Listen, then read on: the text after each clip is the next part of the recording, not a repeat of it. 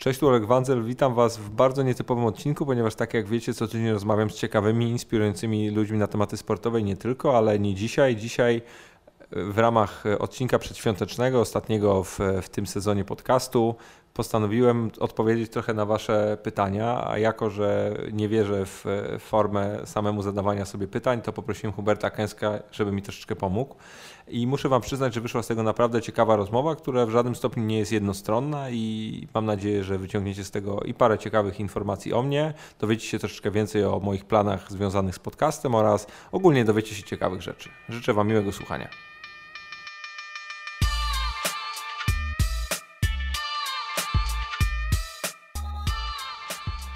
Hubert, Tomek Ćwiąkała o Tobie powiedział zresztą w rozmowie naszej wspólnej, że jesteś jednym z e, osób najlepiej robiących wywiady w Polsce, a przynajmniej jeżeli chodziło o media sportowe i, i masz dzisiaj nietypowe zadanie, ponieważ będziesz musiał w pewnym sensie mnie wyręczyć, czyli e, reprezentować tutaj moich słuchaczy w, w pytaniach do mnie, ponieważ ja uznałem, że zadawanie sobie samemu pytanie jest kretyńskie, mówiąc krótko i, i byłoby dobrze, żeby zrobił to ktoś, kto, kto potrafi to robić. E, chociaż muszę Ci powiedzieć, że jest osoba, która sama sobie zadawała pytania. To są dwa przypadki. Jeden e, osoby poważnej, drugi osoby nietraktowanej jako ktoś e, poważny. Pierwszy to jest King. Mhm. Ten King, ten autor książek, fantastyka, wiadomo o kogo Stephen chodzi. King, no. Tak, on, on zrobił wywiad sam ze sobą, e, to znaczy on wcielił się w rolę dziennikarza Playboya, E, ponieważ marzył, żeby kiedyś e, przeczytać wywiad ze sobą e, w tym czasopiśmie. Zrobił ze sobą tę rozmowę, minęły trzy lata i Playboy do niego przyszedł. Druga sytuacja, no to to bonus BGC pamiętam, kiedyś ze sobą zrobił wywiad. Ale to... to... Ale to rozumiem, że... A od bonusa BGC kiedyś usłyszałem, że nie będzie rozmawiał przez telefon, bo on jest poważnym e, zawodnikiem a, i myślał, że jestem poważnym dziennikarzem i, i takiej, takiej rozmowy nie, nie przeprowadzimy. Przez telefon, bo tylko spotkanie osobiste. No, pytanie, czy to jest coś złego? Akurat sama, sama kwestia, wiesz, rozmowy na żywo. Ja, to, ja wolę rozmawiać na żywo, zresztą ja, cały mój ja zdecydowanie format też. się opiera na, na rozmowie na żywo. Ja uważam, że przez telefon mimo wszystko czujesz się w pewnym sensie, wiesz, odrealniony. I tak, bo nie widzisz... Nie masz, nie masz części tak naprawdę bodźców, które masz na co dzień w ogóle, wiesz, w rozmowie. Mhm. Tak, no biorąc pod uwagę nawet um, pozycję wywiadowcy. Wiesz, jeżeli... Wywiadowcy? No, wywiadowcy tak się, na, tak się nazywają, akurat mówiliśmy o Playboyu, no to wywiad, wywiadowcy to jest, są chyba ci ludzie, którzy przeprowadzają dla polskiego Playboya. Tak, ja to tak no, w ogóle nie, nie spotkałem się ze słowem wcześniej. Może tak być. A z wywiadu? Wywiadowy, wywiadowcy. Może. No mniejsza. Mniejsza o to. E, mniejsza o to. Mówiliśmy o tym, mówiliśmy o rozmowie, o pytaniach, o tak. tym, w jaki sposób dzisiaj podchodzimy do odcinka, tak. bo jest wiesz co, wiesz co, ludzie, mm, ludzie Cię kupują. Mm, ja przynajmniej tak, tak mam, że 80-90% osób, z którymi rozmawiałem, a były to dłuższe rozmowy zazwyczaj, to ja widzę tych ludzi pierwszy i ostatni raz w życiu. W związku z czym mm, oczywiście mogę się dowiedzieć, co oni e, lubią, e, jak podchodzą do życia, natomiast e, Ważne jest też to, żeby na bieżąco zerkać na to, jak reagują. E, na przykład, jeżeli widzisz, ty wziąłeś teraz sobie e, rękę, trzymasz przy ustach. Mhm. Jeżeli ja będę odwzajemniał ten gest, e, to osoba, która ze mną rozmawia, jest, dużo, jest duże prawdopodobieństwo, że mnie kupi i bardziej się przede mną otworzy. Jeżeli no to jest ten sam motyw z pochylaniem się do przodu. Tak jest, dokładnie, wszystko mowa to ciała. Mhm. mowa, mowa, ciała. Tak samo jeśli chodzi o szybkość e, mówienia. Język, dobieranie, dobieranie słów. Techniki sprzedażowe. Wszystko, tak, nie no. Nie, ale ja się zgadzam, trochę, nie, trochę, ale, ale fakt trzeba jest, się, się sprzedać na pewno. Ale fakt jest taki, że to działa, bo, bo, bo mi się wydaje, że finalnie e, chodzi o to, żeby Twój rozmówca czuł się z Tobą dobrze, mhm. jako no, osoby przeprowadzającej daną rozmowę, czy jako no, kontr kontrrozmówcy właśnie w, w danym wywiadzie, bo mi się wydaje, że jak masz szczególnie osobę, która jest w jakimś stopniu mm, no, interesująca, bo takie osoby obaj zresztą staramy się zapraszać, tak, to naprawdę czasem trzeba doprowadzić do sytuacji, w której ona się faktycznie poczuje komfortowo, bo nie jest wcale prost, nie, nie jest wcale trudno spieprzyć wywiad, nie? czy spieprzyć rozmowę, Mhm. bo możesz zadać dokładnie te same sztampowe pytania, możesz, e, no, że tak powiem, podrążyć te tematy, które już były drążone i tak naprawdę nie dowiesz się nic nowego. St- trzeba powiedzieć, stracisz półtorej godziny, ale finalnie to wcale nie musi być źle odebrane, tylko że ja, ja mam, będę miał ogromny niedosyt na przykład po takiej rozmowie. Mhm. Nie wiem, jak, jak, nie wiem jak Ty masz. No, mówi się na przykład e, o, o Izie Koprowek, spotka, spotkałem się z takim określeniem, że ona jest ekspertem em, do spraw śmierci, tak, tak żartują e, koledzy, koledzy z redakcji, z przeglądu sportowego, bo ona dotyka, kiedy robi wywiady z piłkarzami, zazwyczaj dramatów życiowych. E, Ja, jeżeli bym został nazwany przez kogokolwiek e, człowiekiem, który przede wszystkim e, szuka tematów niekoniecznie trudnych, ale takich, które nie zostały poruszone, to Mhm. bardzo bym się z tego powodu cieszył, bo, e, no bo to myślę, że generalnie o to chodzi w dziennikarstwie. No. Po co powielać?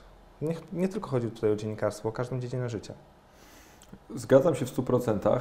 A co dla Ciebie w ogóle cechuje dobrą rozmowę albo dobry wywiad? Bo jedno to jest to, że faktycznie zadajesz pytanie, czy dowiadujesz się rzeczy, których wcześniej no, nie mogłeś o tej osobie się dowiedzieć Mhm. albo znaleźć.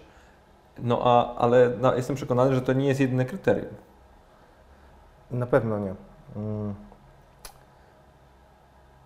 Ja zazwyczaj powiem Ci szczerze, że jak wychodzę z rozmowy, to do końca nie wiem. E, Niekiedy czuję, że to była bomba, a niekiedy mam takie odczucie, że spokojnie poczekamy, spiszę, uporządkuję myśli swoje, drugiej, e, drugiej osoby, bo też w wywiadzie prasowym bardzo ważne jest to i ja dlatego nie robię wywiady prasowe i tym przede wszystkim chciałem się zajmować, bo, bo lubię czytać takie wywiady i, i ja cenię wywiady prasowe za to, że, że jeżeli nawet ktoś ma kombo w głowie, te myśli, zresztą Ty podobno jesteś taką osobą, że cały czas e, masz mnóstwo myśli e, w głowie, że nie masz czegoś takiego, że tak jak Einstein, Einstein mówił, że e, zabałaganione biurko, a puste biurko. Nie wiem, czy to słyszałeś. tak. tak. Tak. I jeżeli z taką osobą się rozmawia, a sportowcy bardzo, bardzo często tak mają z różnych powodów. Coś To sugerujesz w fajnie. tym momencie?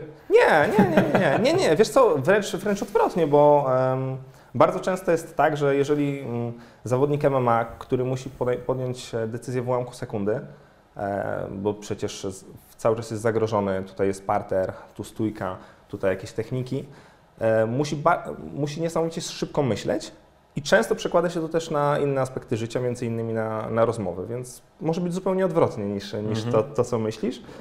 E, I e, ja tak naprawdę wiem, czy, czy rozmowa była udana dopiero po tym, jak e, uda mi się mm, te wszystkie mm, porzucane często myśli, zdania rozmówców posklejać, ułożyć w jakąś e, sensowną puentę i za to lubię wywiady prasowe, że e, moim zdaniem to, to nie jest udawanie, jeżeli coś takiego następuje, tylko to jest mm, przysługa dla czytelnika. A Ty wolisz rozmowy długie, takie mięsiste, które faktycznie no, no, na, na wiesz, kilkanaście tysięcy znaków, takie, że musisz na- naprawdę usiąść i zastanowić, jak to poskładać, jak to e, no, ułożyć, żeby to miało po pierwsze ciąg logiczny, po drugie opowiadało pewną historię, po trzecie no, faktycznie było ciekawe dla tego czytelnika, czy raczej wolisz właśnie takie bardzo konkretne, tematycznie wywiady, w których zadajesz pięć pytań, nawet jakichś tam kontrowersyjnych, na które chcesz po prostu dostać bardzo konkretne odpowiedzi i jesteś dany. Mhm. Zdecydowanie pierwsza opcja, bo często em, tematyka wywiadu krystalizuje się mm, dopiero przy okazji drugiej godziny spotkania. Tak naprawdę no jedziesz, ja przynajmniej tak mam, że e, nie możesz spojrzeć tutaj na moją kartkę, mam e, różne, różne kategorie. Mhm. Pod każdą z kategorii różnie 5, 6, 10 pytań. E, I powiedzmy takich kategorii jest e, 4-5, czyli ja teoretycznie nastawiam się na, rozmow, e, na rozmowę na temat e, pięciu rzeczy. Mm, Która okaże się dominująca? Ciężko powiedzieć, bo ciężko wyrokować, jak, jak rozmówca się otworzy. Co Masz, najbardziej masz jakieś konkretne pięć? To jest jakaś takie, wiesz, segmenty, które zawsze poruszasz, czy to Nie, każdorazowo e, po prostu, a, czyli że po prostu Nie, zakładasz, przy- przy okazji na przykład mam pięć Mhm. i, i tyle, tak? Przy okazji res- researchu to może być 5, może być 8, może być 10. Generalnie chodzi o to, że po, ja dzielę, dzielę na kategorie e, treści Co nie oznacza, że idziemy oczywiście tym torem, no bo ja, widzisz, teraz tutaj leży, leży, e, leżą pytania obok, ja sobie zerknę raz na 5 minut i, i tak to wygląda. No bo ja się spotkałem z taką, z taką tezą i to wśród, wśród wielu dziennikarzy, jak już tam i rozmawiałem i też później czytałem jakieś wypowiedzi, czy słuchałem podcastów z, no, nie wiem, z Larym Kingiem, czy z Kylem Fassmanem, z Timem Ferrisem, z paroma tymi ludźmi, no i oczywiście z polskimi, tak, e, naszymi rodzimymi dziennikarzami, no to są dwie takie szkoły w pewnym sensie. Jedni mówią zapisuj pytania i faktycznie przygotowuj się na te rozmowy, na bardzo konkretne wątki, które, chcę poruszy, które Mhm. chcesz poruszyć, a drugi, ten model mówi nie zapisuj pytań, nie zamykaj się, zapisz sobie wątki, jakie chcesz poruszyć, ale stuprocentowo opieraj się na tym, w jaki sposób, jak- budujesz relacje z rozmówcą. Nie? I Mhm. który jest Twój model? Bo mój jest stanowczo drugi. Tak. Pi- Pierwszy, drugi, poczekaj, taki, że no, bierzesz wątek, Mhm. myślisz o tym wątku, faktycznie w niego wchodzisz, staram się o tym jak najwięcej dowiedzieć, ale potem zostawiasz temu faktycznie no, stricte tej ciekawości pole do popisu. Wiesz, jak Mnie to paraliżuje, mam na myśli pytania, nie? przygotowane pytania. Jak Aha. widziałbym na kartce pytania, to bym cały czas się zastanawiał, miałbym taki pewne coś się nazywa fear of missing out, nie? że czegoś nie zadam, że, że o czymś zapomnę, albo czegoś nie powiem, albo miałem pytanie, zapisałem je, wydawało mi się, że jest super, a teraz kompletnie rozmowa mi się w tym aspekcie nie, nie klei, że nie mogę go wbić, a chciałbym je wbić, więc albo przerywam, albo się stresuję, albo, albo gdzieś tam mi głowa ucieka i nie jestem skupiony na tym rozmówcy. Ja mam proste założenie. To jest wentyl bezpieczeństwa po prostu dla mnie. Przygotowanie jest wentylem bezpieczeństwa, bo, bo ja faktycznie przychodzę do rozmówcy chcąc się czegoś e, dowiedzieć. Na początku jak e, ja, ja specjalnie długo w dziennikarstwie nie jestem, ale Ja w ogóle nie przeprowadzałem, przeprowadzałem pierwsze wywiady. Ciekawy jestem, czy do czasu. Nie jesteś, czy...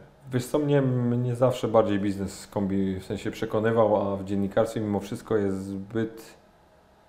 To jest bardzo przyjemna praca i jest, strasznie się w niej spełniam i, i, i fajnie, bardzo, bardzo to lubię, ale nie czuję, by to było też na poziomie w ogóle komercyjnym coś, co mogłoby Ci dać pewnego rodzaju taki dreszcz i to, co chcesz budować, bo mimo wszystko biznes daje Ci jedną rzecz, zresztą to, wiesz, piłka nożna w pewnym sensie też no, sport, tak? Masz po pierwsze współzawodnictwo, po drugie cały czas masz cele, do których możesz dążyć, e, a po trzecie jeżeli masz dobry pomysł i dobrze go egzekwujesz, to on jest zazwyczaj skalowalny. Jesteś w stanie tak naprawdę cały czas ten biznes rozwijać. A jeżeli na przykład jesteś dziennikarzem, może być wybitnym dziennikarzem, ale jest bardzo duża szansa, że przez całe życie będziesz robił bardzo podobne rzeczy. Ludzie, z którymi będziesz rozmawiał, się będą zmieniać, ale fakt jest taki, i pewnie jakby będziesz zarabiał większe pieniądze, ale fakt jest taki, że środowisko, w jakim się obracasz i pewnego rodzaju formuła funkcjonowania się nie zmieni, nie? I, Mhm. A to jest coś, co ja bardzo lubię. Ja strasznie lubię rosnąć, lubię widzieć, że na przykład z roku na rok moje życie się zmienia, moje przyzwyczajenia się zmieniają, moje różnego rodzaju e, nawyki się zmieniają. I to, to bardzo lubię, a dziennikarstwo według mnie jest też kolejnym fajnym krokiem, ale nie wiem, czy byłbym w stanie na tym zbudować, wiesz, Ja się całkowicie zgadzam z tym, z tym, co mówisz, bo moim zdaniem dziennikarstwo jest dobrym pierwszym krokiem, nawet tak bym powiedział, e, bo uczy kontaktu z ludźmi, a Mhm. kontakt z ludźmi jest przydatny w większości tak. e, zawodów. I dobrze jak się od tego zaczyna, tak można powiedzieć, zresztą chyba Michał Listkiewicz zaczynał jako dziennikarz i, i, i jemu życie w jakimś sensie się udało, no tak możemy spokojnie powiedzieć. A wielu ludzi zaczyna tak naprawdę, jak sobie popatrzysz, to, to wiesz, nie, nie, ma, nie ma nikogo tak naprawdę z tego środowiska sportowego, który się by tak naprawdę nie, jakoś nie otarł o to, tak? Nie będąc oczywiście piłkarzem, mam myśli tam jakimkolwiek innym sportowcem. Zobacz, że, że tak naprawdę ludzie, na których my dzisiaj patrzymy, gdzieś na etapie czy akademickim, czy, e, czy, na, czy właśnie jakiejś, nie wiem, pierwszej pracy, czegoś takiego, faktycznie gdzieś z tym dziennikarstwem mieli, mieli styczność, nawet jeżeli nie było to takie dziennikarstwo, o którym my dzisiaj myślimy, nie? To Tak prawda. wydaje. Mhm. Można, można zauważyć taką tendencję. E, Ja wychodziłem z założenia, że mm, to kiedyś tak ktoś bardzo mądry, nie, nie pamiętam teraz nazwiska, Aha. powiedział, że ludzi nie powinno się dzielić na dobrych i złych, tylko na ciekawych i nudnych. A to fajne. E, I ja tak, ja się z tym generalnie zgadzam, bo, bo to, czy jesteś dobry czy zły, to zależy od epoki, w jakiej funkcjonujesz. Jeżeli byłaby dzisiaj wojna, to mordercy by się przydali. I mogliby być później bohaterami wojennymi. Różnie, różnie może być. Wiesz co, to jest, to jest mi się To jest wydaje... du- duży temat, Ale ale nie, to nie, bo to masz jakby trzy kwestie tak naprawdę na poziomie takim w ogóle, Mhm. wiesz, analizy, nie? No jest kwestia jakaś tam moralna, e, czyli tego, w co wierzysz, a już sama wiara może być no, kompletnie różna w zależności od wyznania, backgroundu, historii rodzinnych, pochodzenia różnych jakby rzeczy, tak? no masz kwestię, tak jak powiedziałeś, e, czasów, w jakich żyjesz, no bo fakt jest taki, że różne cechy są potrzebne w różnych etapach historycznych, tak? I, i to jest jakby istotne. No a, a trzecie jest też jakby kwestia samych poglądów, po prostu jak patrzysz na ludzi i dla Ciebie może być coś dobrego, e, a dla mnie to samo może być czymś złym, nie? Mm. Więc to też mi się wydaje, że to już za, z, mówienie dobry, zły z automatu zakłada pewne wartościowanie, a mi się wydaje, że już na poziomie rozmowy lepiej jest tego nie robić, nie? Bo je, no. jeżeli zadajesz, jeżeli jakby z automatu podchodzisz tendencyjnie do, do rozmówcy, no to z automatu, to, to, to, z automatu, to się zamykasz na to, co on mówi tak naprawdę. Mhm. No, tak mi się przynajmniej wydaje. Mówiłeś o poglądach. Ja wczoraj przeczytałem e, chyba w Fokusie, że e, za kilka lat e, może będziemy jako ludzkość potrafili e, czytać poglądy polityczne, analizując twarz. O! Ciekawa rzecz. A co na podstawie? Dzi dzisiaj, dzisiaj podobno e, w, mhm. w Azji, zresztą już od lat, e, osoby, które się zajmują takimi badaniami, są w stanie rozpoznać przestępców. E, I posuwam się krok dalej. Podobno już można określić e, preferencje seksualne, mhm. co jest dosyć e, barwne, barwną anegdotą. No i teraz, teraz kolejny krok to poglądy polityczne. Ciężko mi powiedzieć, jak, czy, to, czy to się uda. Podobno jest 70% na razie skuteczności. Tej. No to i tak już Dobrze. konkretnie. Dobrze. Zobacz, bo masz tendencję do opowiadania anegdot i ja uważam na przykład, że to bardzo ubarwia rozmowę, ale z kolei mam też słuchaczy, którzy na przykład bardzo zarzucają mi to, że czasem się wpieprzam ze swoją historią i w pewnym sensie zabieram show mojemu rozmówcy. Ja się bardzo zastanawiam, do jakiego poziomu można takie rzeczy wplatać, albo wręcz powinno się je wplatać, a kiedy tego nie robić. Mhm. Wiesz co, pamiętam, że to Ci zarzucano po rozmowie z Krzyśkiem Stanowskim. Jest to nie, po, po rozmowie z Krzyśkiem Stanowskim to wiele rzeczy zarzucano. Tak, no ale ja, ja zapamiętałem to i e, faktycznie, jak przesłuchałem cały ten podcast, e, to na takiego rozmówcę jak Krzysztof Stanowski to nie była dobra taktyka. Ale generalnie uważam, że jeżeli się otwierasz przed e, człowiekiem, który ma Ci zaraz opowiedzieć o swoim życiu, e, często o burzliwych e, faktach, to jeżeli opowiadasz o sobie, mm, szczególnie przywołujesz e, sytuacje, które mogą być podobne jak to, co zdarzyło się u niego. Mhm. Jeżeli takich nie masz, to ja bym radził e, przywołać e, historię kogoś znanego, kto miał podobnie, bo to mhm. też działa. To ta osoba od razu czuje się Bezpiecznie. Czuję, że jest jakiś, e, ma jakąś styczność społeczną z Tobą, jest w jakiejś mhm. E, grupie, już jesteście tak jakby w jednym e, kręgu, wchodzicie, zaczynaliście jako... Grupa wsparcia taka troszeczkę się Tak, robi. tak I, i wydaje mi się, że w większości przypadków się mhm. otworzy. Mhm.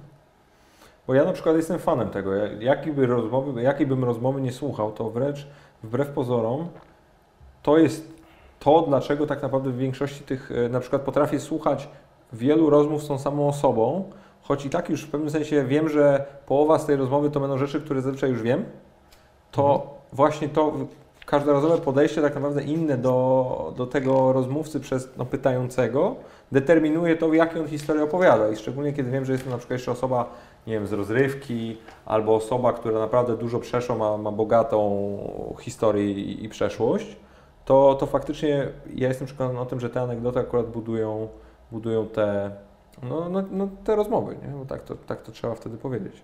Chociaż a wracając na chwilę do tej rozmowy z Krzyśkiem, to bardzo dobrą rzecz powiedziałeś. To jest tak naprawdę moja refleksja na dzisiaj po tej rozmowie, że ja to spieprzyłem strategicznie. Ja do tej rozmowy powinienem kompletnie inaczej podejść. Powinienem w ogóle zacząć od wątku tej Hiszpanii i, i, i troszeczkę rozbujesz, rozbujesz tę rozmowę, bo mhm. Ale to z kolei wynikało z mojego pewnego rodzaju przeszacowania Krzyśka w aspektach na przykład biznesowych, bo byłem przekonany, że tutaj będzie, będzie w stanie mi więcej powiedzieć, a i nie byłem kompletnie przygo przy przygotowany w pewnym sensie na jego odpowiedź o tym, że no większość rzeczy, które robił, było intuicyjnych i nie zakładałem w ogóle na poziomie przygotowania, że, że tak wiele decyzji dobrych można podejmować stricte tylko i wyłącznie intuicyjnie. Nie? Mhm.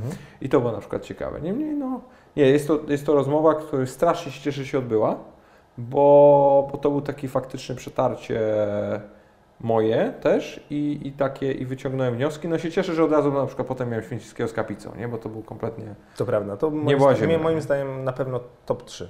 Tak, to, na pewno. Zobacz, to też jest kwestia top 3, nie?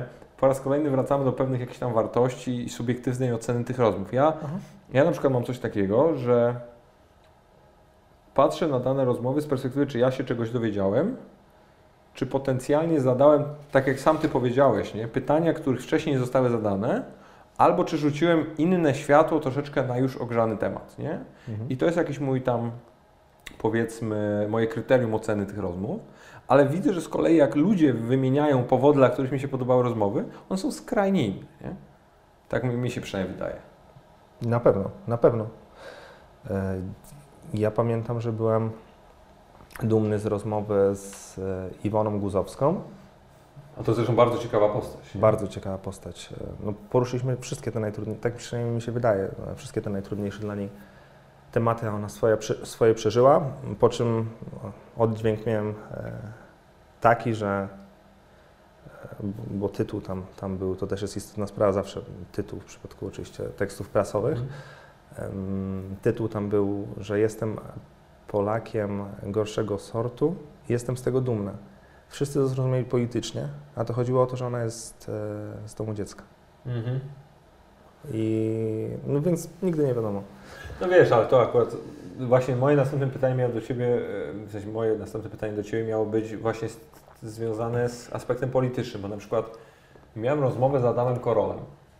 A zapytam, muszę Mhm. wtrącić, bo Dawaj. słuchałem początek tej e, początku tej rozmowy i zastanawiałem się, czy później zadasz pytanie o to, w jakich okolicznościach został ministrem. Ostatnie pytanie. Było. Oczywiście. A, Zajebiste. I to jest w ogóle świetna historia, to Ci polecam. Ono No, ja- o tym. A ja- znasz tę historię? e, tak, bo ja Zresztą Iwona Guzowska Zapytałem, dzwoniła. zapytałem e, o to Iwonę Guzowską, ona była zszokowana ki- tam dwa lata temu. E, Ona była zszokowa- zszokowana, skąd ja takie rzeczy wiem. To tak samo jak Michał Listkiewicz został zapytany o aferę korupcyjną, jak, jak wybuchła, bo to był początek. E, I on powiedział, że a tam jedna czarna owca się zdarzyła. Opowiadał mi, że udzielał tego wywiadu wybierając e, brokuły. A później, później to, to był bat na niego, można tak powiedzieć chyba. Co do Adama Korola.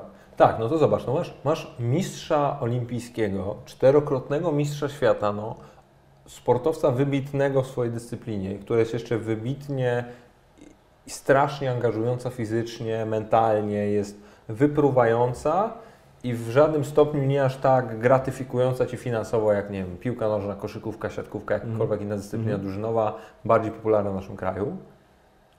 I ta rozmowa, jestem, jakby widzę to po wynikach i po komentarzach, została totalnie zbanowana dlatego, że jest politykiem Platformy Obywatelskiej. I tego nie rozumiem. Bo ja uważam w ogóle, że uczyć się i w pewnym sensie wypychać się z tej jakiejś swojej strefy komfortu, jeżeli chodzi o poglądy, możesz się tylko wtedy, kiedy rozmawiasz z kimś, kto y, reprezentuje skrajnie różny, różny pogląd czy, czy widzenie świata. Oczywiście.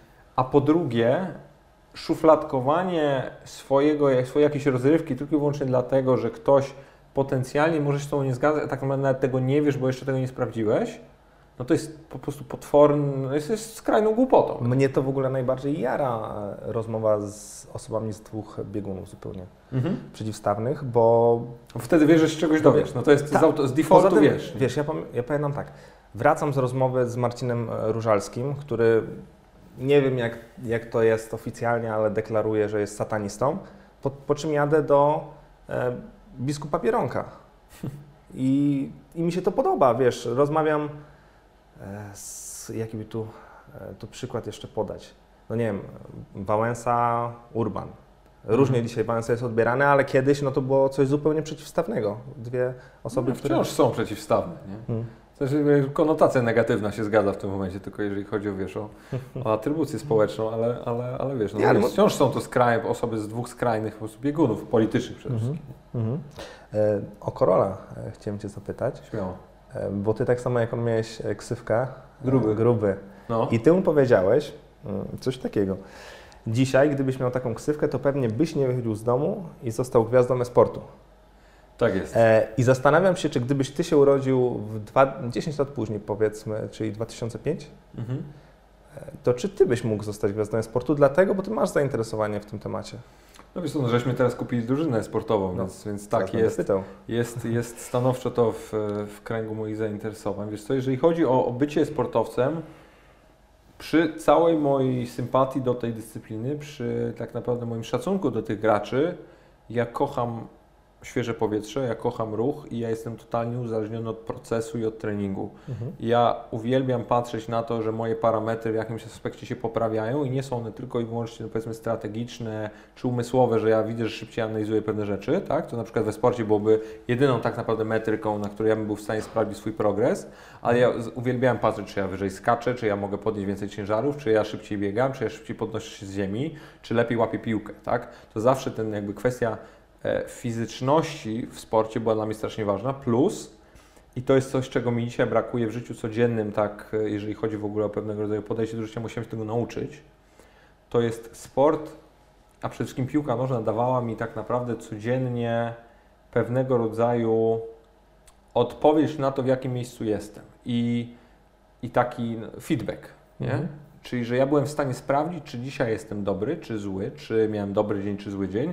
A fakt jest taki, że gdy jesteś, no, pracujesz w jakimś tam biznesie albo robisz coś, co nie jest aż tak namacalne albo nie jest sprawdzalne w aż tak krótkim okresie czasu, to musisz się, to tak naprawdę budzisz się w rzeczywistości, w której nie masz pojęcia, jak się zachować, bo, bo nie masz tego feedbacku. I ty cały czas go szukasz. Mateusz Borek tak mi kiedyś powiedział, że, że w dziennikarstwie on bardzo lubi to, i pewnie być może... Mi zresztą też to powiedział. Tak? Że się możesz tak. od razu odbić. Tak, tak, tak. tak, tak. No, że dzień, dzień, później możesz napisać dobry tekst. I... To, plus jeszcze powiedział, że faktycznie jest, że, że też masz z automatu tak naprawdę odpowiedź, jak, czy wiesz, czy, czy skomentowałeś dobry mecz, czy zły. Wiesz to mhm. po prostu, tak? Mhm. I to czujesz i masz i masz e, feedback czy z Twittera, czy, czy SMS od znajomych, czy od jakiegokolwiek tak ze środowiska, nie? A ja widziałem zdjęcie, jak kupiliście e, Aha. Counter Strike'a, tak? Tak jest, AGO. 20 zespół. Na... 19. O 19 już? Tak. Na, ja przeczytałem, że stan, na, stan na, no wtedy był 20. To, no proszę. Update był dwa dni później. Mhm. E, widziałem zdjęcie, chyba tak. z zawodnikami. Tak jest, z częścią zawodników. I przypomniałem sobie Twoją rozmowę o sporcie z Adrianem. Si w ogóle studiowaliśmy razem, choć on pewnie nie pamięta. Mogę go zapytać. zapytać. no, w pewnym momencie życia może mnie kojarzył, ale mm, on pamiętam wtedy mówił, że według niego. Poczekaj, czekaj, czekaj, czekaj. Czy ty jesteś z tego słynnego prawa na Koźminie? Tak jest. O Boże. Co, to, to zdegenerowany rocznik z tego, co mi tam Adrian opowiada. Ale to nie, to on był, wyżej. On był wyżej. O który okay, jest to... rocznik? On był chyba wyżej. On jest. Tak, tak bo on mnie witał. On mnie witał na um, wyjeździe integracyjnym, więc on. Na tak, tych, tak, na żabinkach. Żabinki, tak, tak. Dobra, wracając, bo ci przerwałem, wybacz. Wiesz co, bo on powiedział, tak mi się wydaje, że mm, e-sport wyczerpuje znamiona sportu. Coś tak takiego, tak, tak mi tak kojarzy. Powiedział, powiedział I... że nie będzie się kłócił, czy, e, czy e-sport jest sportem jakby tytułem ustawy i taka z definicji. Niemniej powiedział też, że wyczerpuje faktycznie wszystkie e, znamiona, jeżeli chodzi o emocje, jeżeli chodzi o przygotowanie fizyczne, przygotowanie motoryczne, przygotowanie mentalne, strategiczne, techniczne, etc. Tak, ja o tym pamiętając zerknąłem na to zdjęcie mhm. E, w przeglądzie chyba sportowym i zauważyłem e, kilku grubasków, tak, mhm. ale później doczytałem, że wy chcecie tym ludziom zapewnić treningi personalne, jakąś fizjoterapię. Tak jest, ja już, ja już Ci mówię o co chodzi. To jest kluczowe w ogóle podejście do, do tej dyscypliny sportu. Ja naprawdę już chcę tak mówić, bo ja też uważam, że to wyczerpuje wszelkie znamiona tego, czym jest sport, bo jeżeli mówimy o, o szachach jako o pełnoprawnym sporcie, jeżeli mówimy o brydżu sportowym jako o pełnoprawnym sporcie, jeżeli mówimy o różnego rodzaju innych, powiedzmy, pasywnych sportach mhm. tego typu, że po prostu siedzisz przy stole, tak jak poker, e, blackjack, różnego rodzaju tego typu. Tak właśnie, bo to jest kwestia porównania. Zobacz, zawsze się porównuje e-sport do piłki nożnej. To nie, bo to jest idiotyzm. Jakby no. słuchaj, fakty tak jak statystyka i papier w pewnym sensie przyjmą wszystko, tak e, w zależności od tego, do czego porównasz, to otrzymasz taki hmm. wynik, jaki będziesz chciał, nie? Więc oczywiście moje porównanie też jest w pewnym sensie tendencyjne, bo chcę udowodnić swoją tezę, tak? Ale fakt jest taki, że dzisiaj na poziomie emocji związanych z e-sportem, na poziomie jakby merytoryki i, i zaangażowania finansowego, jaki jest we sporcie i jeżeli chodzi o pewnego rodzaju profesjonalizm, jaki podchodzi się do tej dyscypliny, to ma pełne znamiona sportu, jak to mówimy, że tak powiem, w tym, w tym segmencie offline'owego, tak? Bo, bo tu masz taką, wiesz, masz na IEM-ie w Katowicach w 2017 roku przewinęło się około 200 tysięcy osób, tak? Na, średnio na, na, na meczach e, już tych finałowych było około 11 tysięcy widzów w spotku, tak? Fakt jest taki, że gdyby był, i to były takie rozmowy, gdyby Stadion Narodowy nie miał ryzyka, że przecieknie dach, a tutaj wiesz, we sporcie mimo wszystko kwestia okablowania i tych rzeczy jest dużo istotniejsza niż na przykład w siatkówce, tak, czy na MMA, to ten event był, odbywałby się na Narodowym już dawno, nie? Bo, ponieważ jesteś w stanie pomieścić tych ludzi tam. I ja wierzę w to, że ta dyscyplina, czy ten segment powiedzmy, będzie się rozrastał i będzie też, ja to też zresztą powiedziałem chłopakom na naszej inauguracyjnej kolacji, takie zresztą, z której jest to zdjęcie, że mają niewyobrażalną szansę, ponieważ dla niesamowicie dużej grupy ludzi oni mogą być tak naprawdę jedynym ratunkiem, żeby się w pewnym sensie wyrwać z domu i, i, i, i, dać im pewną nadzieję, że też mogą być sportowcami w czymś. Bo zobacz, że masz taką sytuację, że gdy ktoś właśnie ma ksywkę gruby w gimnazjum, jest bardzo małe prawdopodobieństwo, że on kiedykolwiek będzie uprawiał jakiś sport, tak? A przez to, że ta dyscyplina się profesjonalizuje i wracając do Twojego pytania, my na maksa chcemy ich wpuścić tak naprawdę w reżim sportowy, ponieważ jak popatrzysz sobie na topowe drużyny, wiem, Fnatic, e, Virtus Pro, SK Gaming, e, G2 Esport i tak dalej, i tak dalej, oni wszyscy, Face Clan, tak, oni wszyscy wyglądają jak prawdziwi po prostu atleci, bo mają swoich trenerów przygotowania fizycznego, mają swoich dietetyków, mają swoich psychologów, mają swoich e, specjalistów od, od odżywiania i, i, i suplementacji, bo, bo fakt jest taki, zobacz, no, oni są 150-200 dni w roku poza domem i to oni jeszcze podróżują dużo bardziej hardkorowo niż na przykład piłkarze, bo latają do Chin, latają do Brazylii, latają do Stanów. E, na przykład my mieliśmy taką sytuację, że w listopadzie chłopaki lecieli bezpośrednio z eliminacji do, e, do ESL Pro League z Barcelony do, do, do Chin. I wiesz, i, i, jedziesz najpierw z Warszawy do, do Barcelony, grasz tam turniej i do Chin na, na kolejny turniej. I nie macie w domu, e, jesteś, podda, jesteś poddany tak naprawdę tym samym obciążeniom, jeżeli chodzi o o podróż, tak? Mhm.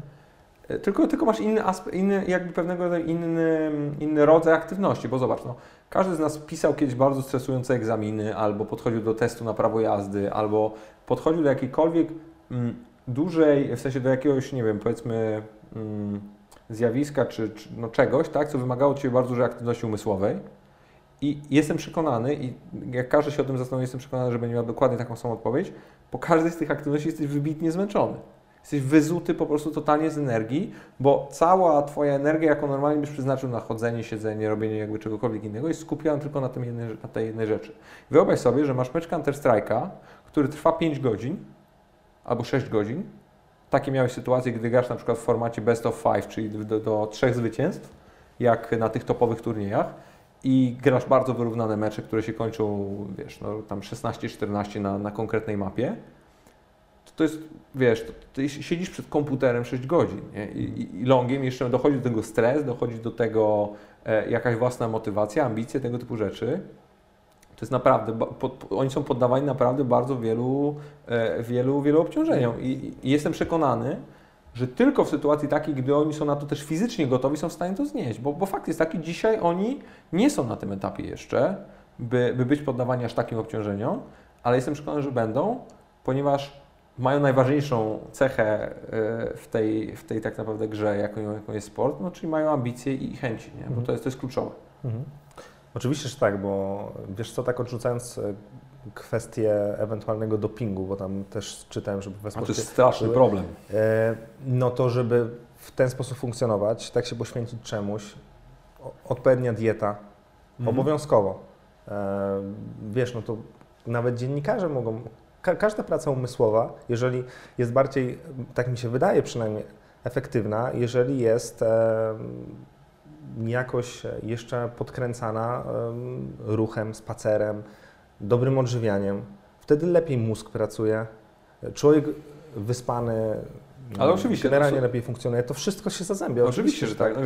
No, my, my, jesteśmy stworzeni jako ludzie do tego, żeby być w ruchu i, i ogólnie być w dobrej formie fizycznej, tak? Mhm. Tak, tak działa człowiek, jako po prostu jako stworzenie, nie? I e, my jesteśmy, no my, dzisiejsze powiedzmy społeczeństwo tyje dlatego, że je bardzo dużo przetworzonej żywności, je nieświadomie rzeczy, je bardzo dużo i je nieregularnie.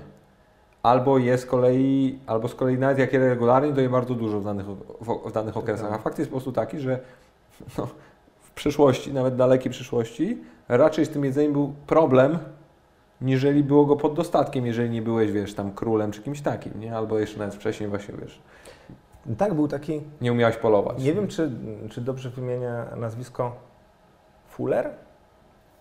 Wizjoner XX, XX wieku. Nie mam pojęcia. E, I on tak, według niego, on tam w latach 70., 80. E, głosił, że, że w tej chwili ludzie mają najlepszy dla siebie czas, bo zrozumieli, że wojna do niczego nie prowadzi i teraz możemy wytwarzać i tak dalej, i tak dalej.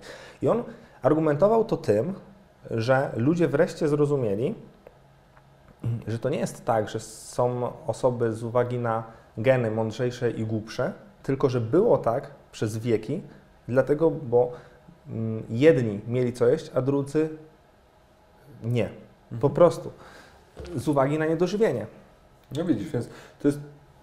Ludzie lubią bardzo na poziomie oceny pewnych zjawisk, faktów, czegokolwiek, spłaszczać to na potrzeby dyskusji, a fakt jest taki, że tak jak mnie kiedyś, zresztą bo ja też jestem, jestem e, studentem Koźmińskiego, jak byłem, byłem kiedyś na, na wykładzie no, naszego tutaj profesora Andrzeja Koźmińskiego, no, czyli syna założyciela tej szkoły, no, no, wybitna postać, w ogóle bardzo ciekawy człowiek, to on odpowiadał, że jeżeli jesteś na, na tyle inteligentny i otwarty, to niezależnie od pytania, za każdym razem odpowiedź będziesz miała, to zależy.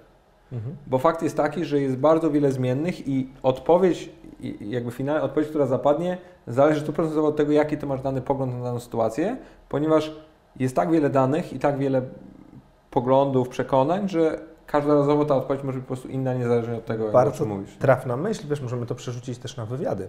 Ale oczywiście. Bo przecież e, my teraz oceniamy daną osobę z perspektywy tu i teraz. Mhm.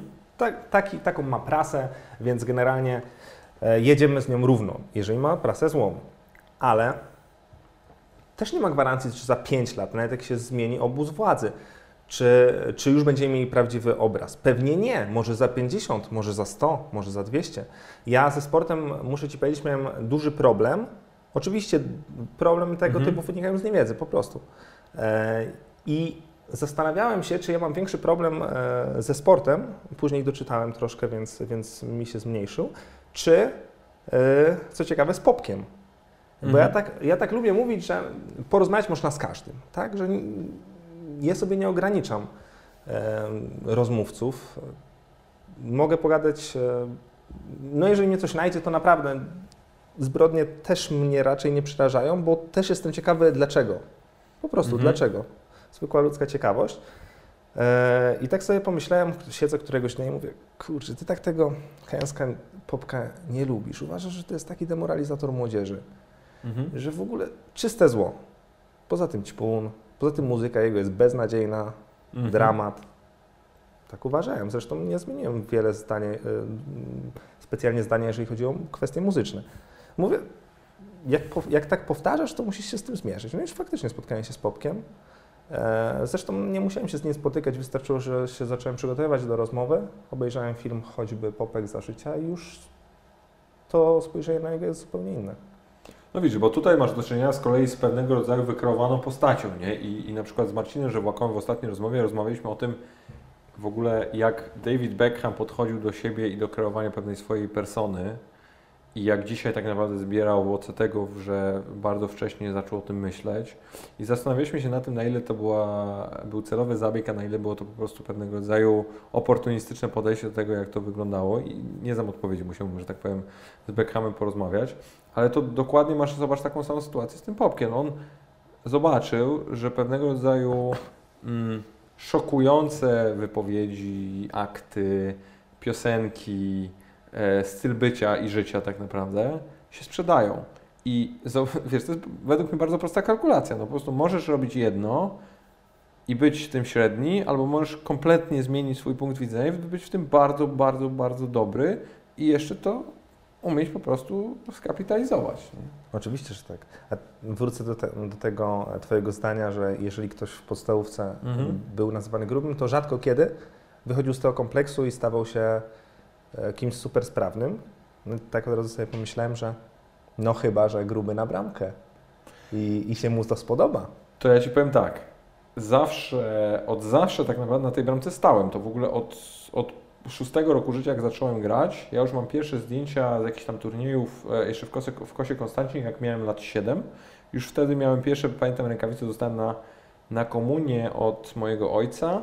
E, re, rękawice Adidasa, takie wiesz, jakby repliki Fabiana Barteza i pamiętam, byłem strasznie zajarany tym wszystkim i, i faktycznie to był dla mnie pewnego rodzaju taki, taki sygnał, że, że ja chcę być tym bramkarzem, mi się to podoba. Nie? I, I w żadnym stopniu, wiesz co, ja wtedy chyba jeszcze nie byłem gruby w ogóle.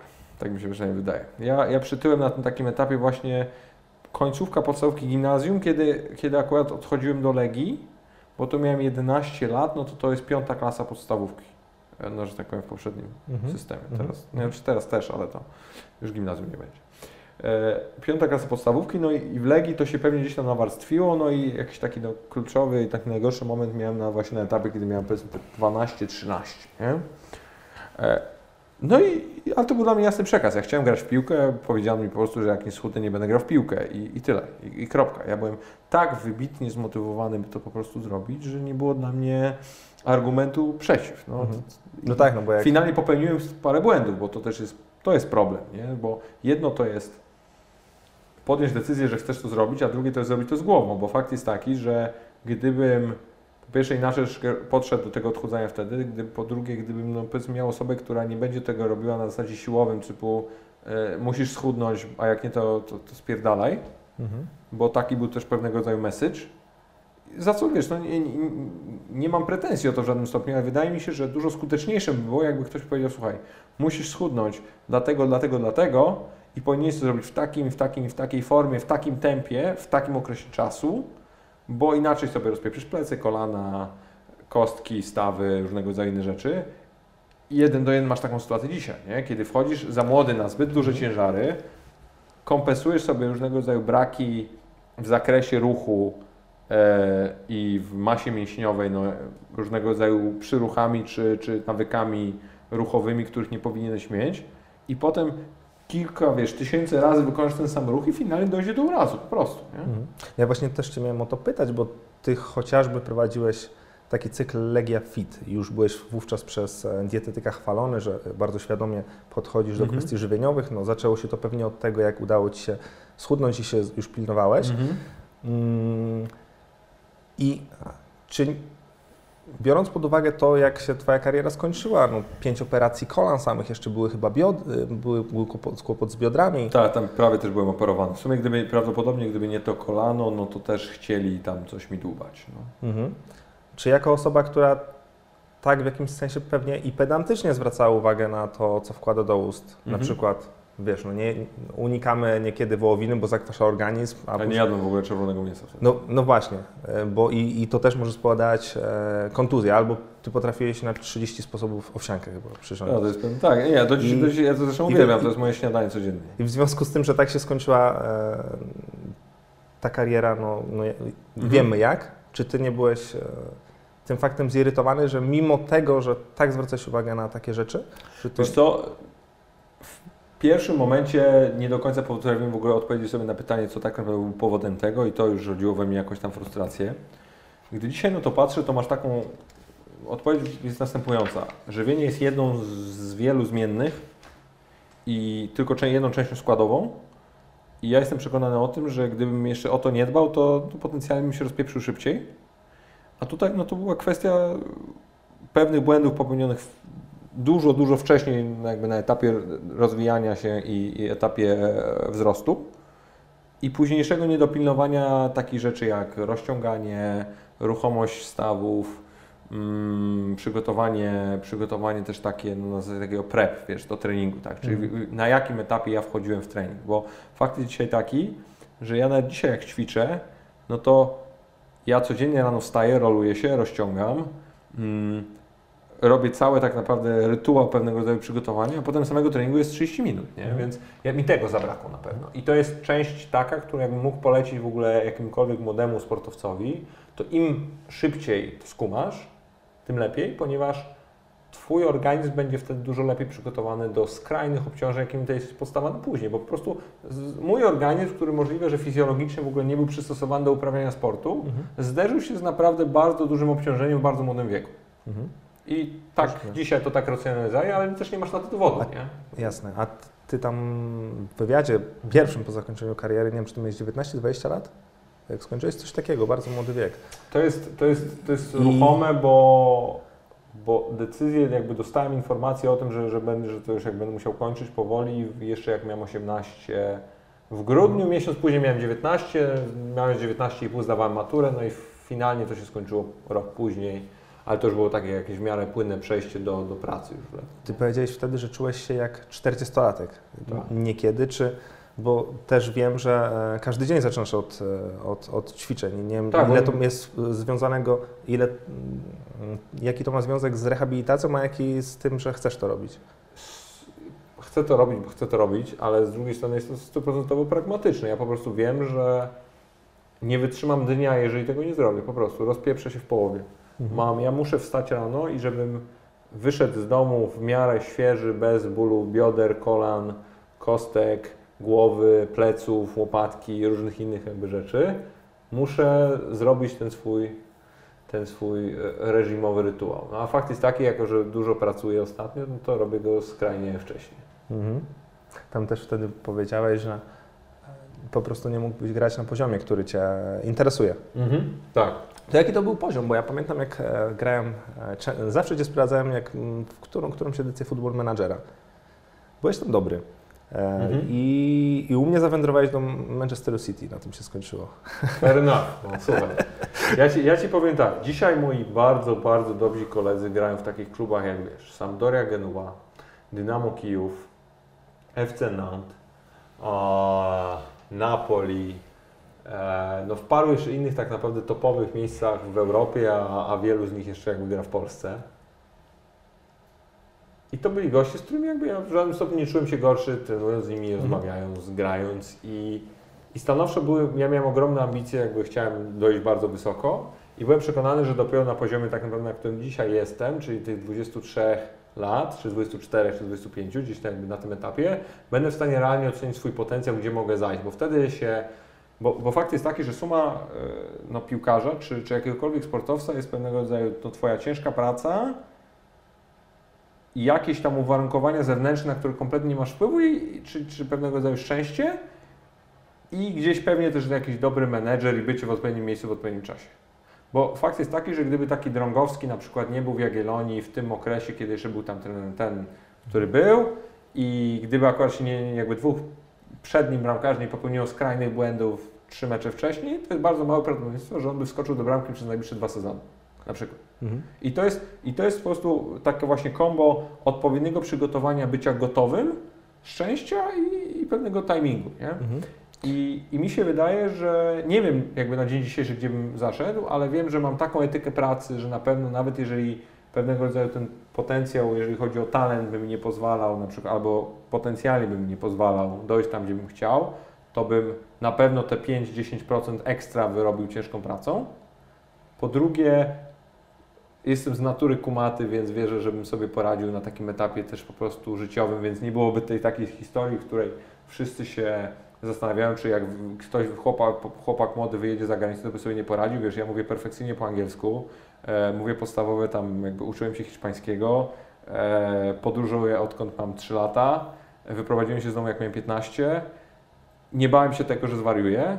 Po trzecie, nigdy kasa nie była jakby kwestią, nie? więc tak naprawdę wszystkie trzy punkty zapalne, czyli etyka pracy, mm, fokus i nieznajomość kultury oraz kasa i jakieś tam ewentualnie imprezy, tego typu rzeczy nigdy nie wchodziły w grę, więc pewnie na poziomie samym, no to jedyny aspekt, jaki no powiedzmy mógł mnie tutaj skreślić, był aspekt sportowy, no ale jeżeli ktoś już finalnie bym kupił, no to raczej to jest gdzieś tam brane pod uwagę, że jest na, na niezłym poziomie. Nie? Mhm. Więc znakami zapytania są te, te trzy rzeczy. No i tutaj byłem przekonany, że na jakimś poziomie powiedzmy reprezentatywnym będę w stanie funkcjonować. Mhm. Ja zerknąłem sobie na jedenastkę z Mistrzostw Europy mhm. 2012 z mecz, meczu półfinałowego chyba z Niemcami, z Niemcami. i tak no oczywiście był Karol Linetty. Tak jest. E, natomiast jeżeli chodzi o pozostałych piłkarzy... Stępiński grał? Stępiński grał, tak, ale nie chodzi mi o to, żeby ich wymieniać, ale No. z tego, co się zacząłem zastanawiać nad tym, jak oni mają po 22 lata. Tak jest. E, Jak ich kariera się podczyła, Mhm. to w wielu kariera jest rozczarowaniem. Tak, tak mi się wydaje. A zadałeś sobie pytanie dlaczego? Chciałem Tobie to pytanie zadać. Wiesz co? y, To jest dokładnie... Na przykład Gracjan. Słuchaj, słuchaj, a zobacz, każdy zawodnik jest sumą tych czterech rzeczy, o których powiedziałem, tak? Czyli mental, umiejętność odnalezienia się w grupie, etyka pracy i umiejętności sportowe, czyli jakiś tam talent, nie? No i u każdego z nich było to pewnego rodzaju kombinacja niepowodzenia na którymś z tych etapów.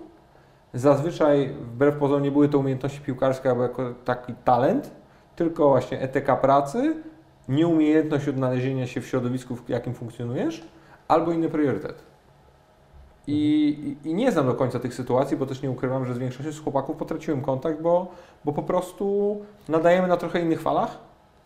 A poza tym, tak jak właśnie wracając do rozmowy z Adamem Korolem, jak sam zresztą dobrze wiesz, w drużynach wcale nie jest tak, że jakby przyjaźnisz się z każdym, Jasne. tylko robisz jakby swoją robotę. Nie? Więc to jest, nawet jest mi ciężko powiedzieć, ale patrząc, zobacz, na Karola, nie? Trafił na bardzo dobrych menedżerów z jego punktu widzenia, którzy o niego dbają. Zrobił transfer naprawdę dobrego klubu, w którym miał szansę się wybić miał odpowiedni miks talentu, mm, młodzieży i, i doświadczenia. Jest bardzo ułożonym chłopakiem, który nigdy nie miał syfu w głowie, mam na myśli alkoholu, imprez, różnego rodzaju rzeczy i tutaj nigdy nie było powodu do tego, żeby ktoś sądził, że on się wy- wypieprzy i jest po prostu robokop, nie? No więc dochodzi do sytuacji, w której czterech rzeczy praktycznie trzech jesteś pewny, że będą ok i jedyne czego się boisz, no to czy na pewno odnajdzie się w tym społeczeństwie, nie? Mhm. Więc jak mając takie, wiesz, success story z tej drużyny, no to, to widzisz, że na tym gdzieś etapie się to, się to rozbije, nie? Mhm. Miałem Cię też zapytać, a ciężko mi powiedzieć, czy będziesz chciał o, o tym mówić, no bo to jednak Twoi Mhm. byli koledzy. Wiesz, zazwyczaj jak się funkcjonuje w jakiejś grupie, to się ma wrażenie, Ty mówiłeś o wypadkowych, natomiast ma się wrażenie, że jeden gość to na pewno zrobi karierę. Odrzucając linę tego, czy, czy miałeś takie rozczarowanie? Znaczy wiesz, teraz to ciężko powiedzieć, no może jeszcze to nie są starzy, ale też już nie młodzi ludzie. Na pewno strasznie żałuję, że, że dzisiaj Olek Jagiełło nie jest wyżej, bo to jest chłopak, którego znam. O, ja przychodziłem, on jest wiesz, w Legii, był w Legii, w juniorach od samego początku, praktycznie od początku w ogóle powstawania tych młodych wilków. Ja przyszedłem do, do Legii 95 rocznika, jak on już tam był dawno, ja miałem 11 lat, my byliśmy przez cały ten okres tak naprawdę mojego wyjazdu do Szamotu razem w drużynie, potem wróciliśmy razem na etapie reprezentacji Polski, tej przygotowującej się do, do, do, do, wiesz, do tych Mistrzostw Europy. On z tych Mistrzostw Europy wypadł, bo zagrał u Skorży w sparingu i gość się w niego wpieprzył i, i wypadł mu bark. On po prostu wypadł mechaniczna, tempa kontuzja wynikająca z braku przygotowania, e, obudowy koru i, i jakby nieznajomości kontaktu fizycznego z takim przeciwnikiem. I już upadł na jakby też prawdopodobnie nieumiejętności upadania, to jest też bardzo ciekawe. E, no, Tak, tak, bo tak. się na rękę, no to ci wiesz, Wiesz co, no żużlowcy się uczą tego. ale ja też się uczyłem. No oczywiście, to, to był jeden z trzech głównych, najnudniejszych treningów w szamotułach. Uczyłeś się upadać, uczyłeś się rzucać na jedną, drugą stronę.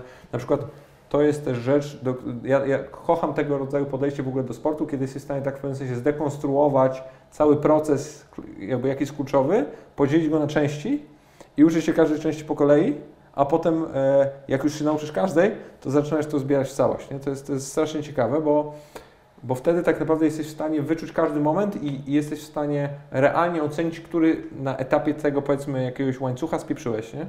I to taką świadomość tobie wyrabia. Ale wracając do, do, do pytania, to Olek Jagiełło na pewno i, i bardzo bym chciał, by wyżej i stanowczo miał papiery na to. Y, Dziś na pewno po drodze trochę głowa, trochę, trochę kontuzji i zdrowie, trochę też e, pewnym sensie przekonania trenerów, no bo wiesz, on jest mały, nie? Mhm. I, i gdzieś to zawsze było, było problematyczne, no ale, ale to na pewno zakładałem, że będzie wyżej. Hmm. To może, sobie, może jeszcze ci do, Myślę, wiesz co, myślę, bo ci do głowy wpadnie. no nie, no tam wiesz, no, fakt jest taki, że nikt nie zakładał, że Gracek Choroszkiewicz y, nie będzie grał przynajmniej w Ekstraklasie na bardzo wysokim poziomie. Takiego się do Boatenga porównywało z tego, co pamiętam. Wiesz, ja jestem daleki od tych porównywań, nie? Ale, ale fakt jest taki, że myślałeś sobie, że ten chłopak po prostu będzie grał w piłkę, bo, bo miał umiejętności jakieś tam powiedzmy przywódcze na boisku, Tak, kapitanem- jakąś tam technikę użytkową. On tam w Hercie I- bądźżowej też kapitanem chyba był, tak? Tak, wiesz, to, to, słuchaj, to jest, to jest wypadkowa czegoś zawsze, nie? Ale, ale na pewno on mógł, wiesz, sumarycznie Mariusz robi jakąś tam karierę i, i to jest, i to według mnie on, on sobie radzi, szczególnie, że zrobił bardzo fajny comeback, jeżeli chodzi o tą, o tą nieudaną, nieudaną podróż do Niemiec. To są chyba takie najgłośniejsze nazwiska, jakie wtedy były. Był, ja pamiętam, że w Lechu wtedy byliśmy z Adrianem Cierpką i on też, on też na pewno miał papier na granie. Mm, Zobacz, Seba Rudol, który był w tej kadrze numerem 8, nie? grał na środku pomocy, dzisiaj jest środkowym obrońcą albo, albo bocznym obrońcą w Pogoni, więc to też jest jakiś, jakiś chłopak, który stanowczo zapracował sobie na miejsce, w którym jest. Bardzo, bardzo fajna, fajna grupa ludzi, która, która naprawdę mogła wysoko zajść i wydaje mi się, że jakbyśmy sobie każdego z nich przelecieli, tak wiesz, przeanalizowali, no to za każdym razem było, byłoby to któreś z tych czynników, który faktycznie nawalił i był kluczowy. Finalnie dlaczego, dlaczego danemu chłopakowi nie poszło, nie? Od, odnośnie, odnośnie do grupy ludzi, e, Marcin Dorna, Mhm. Do jeszcze, może nie do niedawna, ale w tamtym okresie, zaraz po, noszony na rękach, zresztą później przez kolejne lata także. A ja się tym A dzisiaj nie się- dziwię. A dzisiaj się mówi, e, po wiadomo nieudanym turnieju, że on jest za spokojny na trenera. I ty jako osoba, która była w środku, pracowała z nim, zgadzasz się z taką tezą? Ja z nim nigdy nie pracowałem później. Jest mi strasznie ciężko ocenić, jak on by podchodził, jak on podchodzi do zawodników starszych. Musisz wziąć pod uwagę taką rzecz i to jest faktycznie duży przeskok, ponieważ to jest dokładnie o takich rzeczach się często mówi w kontekście po, rozmów albo na przykład rozważania angażu trenerów akademickich w futbolu amerykańskim w Stanach z koledżu do NFL. Bo boją się jednej tak naprawdę rzeczy, nie warsztatu, nie podejścia do ligi, nie jakiegoś tam innych zasad troszeczkę, jeżeli chodzi o funkcjonowanie w ogóle organizacji, tylko boją się tego, że on nie będzie w stanie tej swojej mentalności przekuć też na zawodników, którzy już zarabiają monstrualne pieniądze, bo w koledżu nie zarabiasz nic. Masz totalnie zgraną pakę, która jedynym celem jest dostać się do NFL i docelowo wygrać mistrzostwo akademickie. To jest jedyne, co ty chcesz zrobić i jesteś w stanie do nich mówić z takiej pozycji pewnego rodzaju mentora, jakiegoś takiego drogowskazu. Nie? I w tym Marcin Dorna jest zajebisty. I, i, I jestem przekonany o tym, że on był, jest, wiesz, fantastycznym trenerem na poziomie U15, fantastycznym trenerem na poziomie U17, fantastycznym trenerem na poziomie U19, ale nie mam pojęcia, jakim jest trenerem na poziomie U21, ponieważ tutaj przyjeżdża Ci zawodnik taki jak Milik, taki jak Zieliński, taki jak Linetty, taki jak Dawidowicz, e, Bednarek, który jest jedną nogą w Southamptonie już wtedy, e, Jach, Drągowski, no goście, którzy już gdzieś są, nie? widzą tych wybitnych zawodników, zarabiają dużo większe pieniądze, często już mają po kilkadziesiąt meczów w Ekstraklasie albo w jakiejś tam swojej e, klasie rozgrywkowej, gdzie akurat tam grają. I to już nie jest młody, aspirujący piłkarz, tylko to już jest jakiś piłkarz, nie? I wydaje mi się, że tutaj na pewnym jakby poziomie mógł być jakiś tam dysonans, którego no, no, Marcin nie przewidział, ale z kolei jestem przekonany, że, że to w żadnym stopniu nie świadczy o nim jako o trenerze. Bo na przykład, y, co jest w tym złego, by być wybitnym trenerem 19-latków? Dla mnie nic. Nie, no wiesz, jeżeli... Dla mnie możesz Mo- być. Moim jest- zdaniem generalnie, jeżeli jesteś najlepszy w jakiejkolwiek A, dziedzinie, w dokładnie. jakimkolwiek roczniku, to już jest spoko. Dokładnie. I, i, Ja mam problem No. większy z zaakceptowaniem tego, jak ktoś jest 30 na świecie. E, jakbym był na przykład 30 na świecie w skokach narciarskich, to miał pewnie kłopot, żeby to zaakceptować. ale, Ale, zobacz, ale wracamy znowu do tego wątku, co ja Ci powiedziałem, że nie byłbym gotowy współzawodniczyć na takim poziomie, jakim chciałem. Mhm. Bo mnie nie, mnie nie interesuje, wiesz, B-klasa, albo, albo wiesz, trzecia liga, czwarta liga. Czyli tak naprawdę przeciętność. Liga. Nienawidzę tego. To jest w ogóle, to jest, to jest choroba dzisiejszej społeczności. Przeciętność i ignorancja, albo akceptowanie przeciętności i ignorancja, niedążenie do pewnych wyższych rzeczy. To jest, to, jest, to jest straszne, wiesz, bo fakt jest taki, że na pewnym poziomie to zawsze Ty decydujesz od tego, czego chcesz od życia, czego chcesz od siebie i to, to od Ciebie zależy, czy będziesz lepszy od siebie, nie? Bo problemem też jest ludzi to, że bardzo często porównują się tylko i wyłącznie do kogoś, kto jest bardzo wysoko i często jest kompletnie poza ich zasięgiem albo percepcyjnie na ten moment poza ich zasięgiem, a w żadnym stopniu nie zastanawiają się nad tym, w jaki sposób mogą poprawić to, gdzie dzisiaj są. I tak jak e, nie ukrywam, nie rozmawiałem z, z Marcinem Dorną jeszcze po tamtym turnieju, bardzo chcę z nim, bardzo chcę z nim porozmawiać.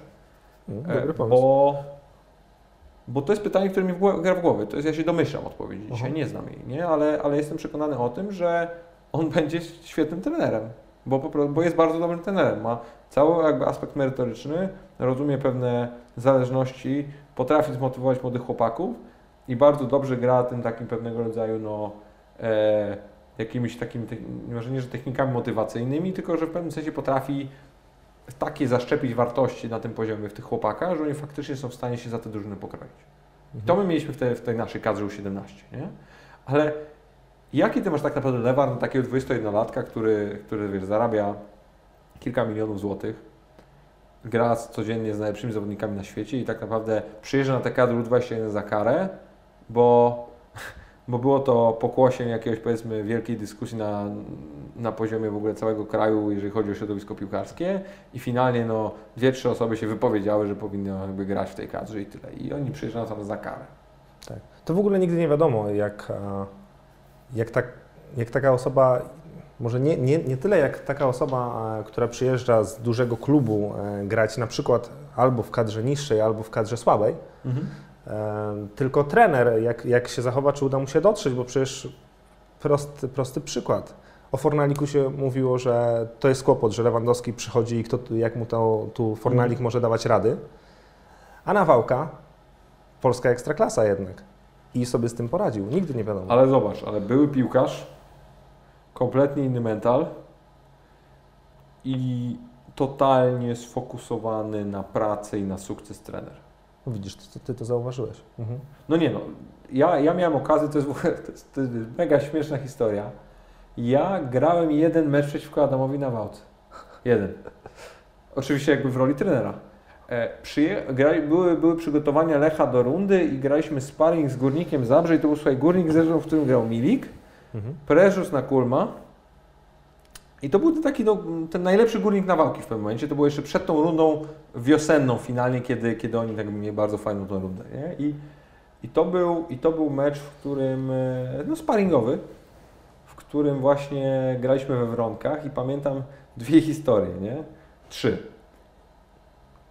Grał tam Fabian Pawela, jeżeli dobrze pamiętam. On, on potem debiutował w Górniku i on był, on był 95 rocznik, potem graliśmy w reprezentacji, byliśmy na jednym zgrupowaniu razem. Jeżeli dobrze pamiętam na- nazwisko. Nawałka go ściągnął w 15 minucie meczu, bo tamten nie miał butów odpowiednich. Pośliznął się dwa razy. Ten go tak zjebał w przerwie, że ja nie wiedziałem, gdzie się podzieć. Siedziałem ławkę obok, nie wiedziałem, co ze sobą zrobić. I wiesz, i sparring w środku przygotowań do wiosny, nie? Jest śnieg w ogóle, wszyscy w czapkach, totalna jakby, wiesz, no, jest to jednostka treningowa, tak to trzeba nazwać. No full profesjonalizm, nie? Tak. I, I jak sobie myślisz o takim trenerze na takim poziomie, w drużynie, która wtedy nie walczyła o Mistrzostwo Polski, który wymaga od swojego najmłodszego zawodnika pewnego rodzaju standardów, to ty wiesz, że niezależnie od tego, jaką by drużynę prowadził, miałby dokładnie te same standardy. Nie? I z tego, co słyszałem, jakby rozmawiałem z moimi znajomymi e, grającymi dzisiaj w kadrze albo ocierającymi się o tę kadrę, to przyjeżdżasz dzisiaj na kadrę i masz bardzo określone zasady, jak masz się zachowywać, jak masz tam funkcjonować, czego ten od Ciebie oczekuje i jakie jest Twoje zadanie na tej reprezentacji. Kropka. I Ty masz to wykonać, a jak tego nie będziesz wykonywał, nie będziesz pasował do planu, to Ciebie nie będzie. Kropka. I to jest Twój wybór. I to jest finalne. On faktycznie Ci to mówi, to jest Twój wybór. Ja w ogóle nie wiem, czy jest coś, co lepiej buduje e, szacunek niż konsekwencja. Zgadzam się. Wiesz, bo oczywiście trzeba dać e, sobie czas, żeby, żeby no, uzyskać przymiot autorytetu, ale no, konsekwencja, kto jest dzisiaj konsekwentny? Ja akurat, e, Guardiola. ja myślę generalnie o świecie. Donald nie, nie myślę nawet o... Potwornie. E, konsekwentny jest Mikke, O, to czyta- prawda. ale To to nie wiem, prawda. czy to dobrze. E, Nie, to raczej nie dobrze. Pamiętam, jak dawał mi autoryzację. Zwykle z autoryzacją Ostatnio w ogóle nie mam problemu, to znaczy ludziom się to po, podoba. Słuchaj, ja mam, nie, nie ja, chcą, mam, ja mam, wiesz, ten, Ty masz, ten luksus, że w ogóle nie pytam. ty masz przywilej, tak. E, no, chociaż e, wiesz, w przypadku e, Patryka Mirosławskiego też by się mogło wydawać, że no, rozmawiają tam sobie nie jakoś pewnie 3 godziny i z tego idzie pół, pół do nagrania, tylko powiedzmy godzinę z przerwą. Mhm. E, I on mówi, że, że, że Zimoch, z tego co pamiętam, prosił o autoryzację. Oty, Tak. Otylia, Otylia Też, prosiła o te, też, też mi to powiedział. E, Ja, ja, ja powiem Ci tak, nie wiem jakbym się zachował w tamtym, w tamtym momencie, ale uważam, że autoryzacja audio jakiegokolwiek zabija Ci flow rozmowy. I, I ja tego strasznie nie lubię. Ja w ogóle staram się tak naprawdę bardzo w małym stopniu ingerować w rozmowy, które przeprowadzam. I raczej staram się właśnie puszczać takie troszeczkę nieociosane, bo, bo to są rozmowy, nie? To nie jest, ja, ba- ja nie znoszę mówienia o, o, tych moich podca- o tym moim podcaście w kategoriach wywiadu, bo wywiad to jest właśnie, masz bardzo określony cel, masz bardzo określone kroki, jak, w jaki sposób chcesz dojść do tego celu, czyli jakby pytania, jakie masz, albo jakieś budowanie narracji. No i finalnie potem możesz ocenić, czy wykonałeś ten cel, czy nie, albo czy, czy udało Ci się dowiedzieć tego, czego chciałeś się dowiedzieć. A, a w, w tym ja naprawdę staram się wyjść, że tak powiem, z otwartym sercem i, i z otwartą głową na każdego mojego rozmówcę i naprawdę z, czyst, no z czystym sumieniem mogę powiedzieć, że za każdym razem chcę się czegoś po prostu dowiedzieć o tej osobie. Nie? I, I wydaje mi się, że w jakikolwiek stopniu upiększanie tej, tej dyskusji byłoby przekłamaniem. Autoryzacja to chyba, mm, prawo do autoryzacji to jest chyba nawet polski wymysł, z tego co ja kojarzę. Nie wiem, czy w Europie jest gdzieś indziej stosowany. Nie mam pojęcia. Jest po prostu sąd. E, wiesz co, co do autoryzacji dwie śmieszne ale, u nas, historie. ale nas masz kwestię, zobacz, no sądy nie działają w tym aspekcie, no byś się sądził z kimś, nie wiem, 7 do 10 lat, no to jest dramat. No. I Może, wiesz, no- Straty wizerunkowe poniosły się ogromne z tego tytułu, a potem finalnie dostaniesz, wiesz, decyzję administracyjną, wiesz, o jakimś tym samym wyrok o, No zawsze, zniesławienia, tak coś jak sprostowania są, są, są malutkie, a Ale- idzie, ale- a idzie okładka, tak? Wcześniej. No ale wiesz, ale nawet, ale nawet zobacz, no masz sprostowanie i co z tego, że napiszesz sprostowanie przy potencjalnie w ogóle nie, kompletnie nieskorelowanym artykule, e, który jeszcze nic tak nawet nie mówi, no to co to zmienia? Mhm. Ja, ja, ja nie lubię takich sztu, sztucznych wymysłów i tak jak uważam, że wywiad prasowy jest no o tyle tutaj masz kwestię autoryzacji, że, że tu dochodzi do pewnego rodzaju manipulacji. No, nie, nie, nie, manipulacji, no bo to jest jakby ma konotację negatywną, ale pewnego rodzaju no Ja to lubię nazwać zebraniem myśli. No, no, no okej, do zebrania myśli. To, to zebranie myśli w Twoim wykonaniu niekoniecznie musi odzwierciedlać moją intencję tej wypowiedzi, nie? Tak. Ale autoryzacja to nie jest, przepraszam, kurde, cenzura, nie? Mhm. I tego ludzie nie rozumieją. To prawda, ja nie mam generalnie problemu z autoryzacją, natomiast e, no tak jak rozmawialiśmy o Skorży, o tym wywiadzie słynnym, Mhm. wiesz, no jeżeli ktoś sobie najpierw spotyka się z tobą, rozmawia 2-3 godziny, a później otwiera się, a później sobie siada w, w kapciach e, zaparz, zapa, z zaparzoną herbatą e, i nagle pisze wywiad od nowa, no to to już jest chamstwo. E, Tak samo ja uważam, jeżeli ktoś kasuje tobie pytania, bo to też, Mhm. też o tym rozmawialiśmy, to się zdarza. Natomiast też bywa śmiesznie przy autoryzacji, bo Korwin, Mhm. Korwin Mikke, pamiętam, że on podopisywał mnóstwo znaków zapytania i wykrzykników. Tylko tyle.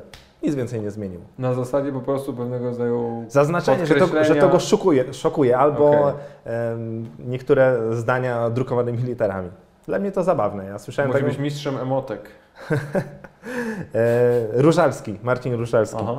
Mm, Zanim, zanim e, przeprowadziłem z nim wywiad, to, to w zasadzie prawie umowę spisywaliśmy, e, jak ma to wyglądać, bo on sobie za, zażyczył, że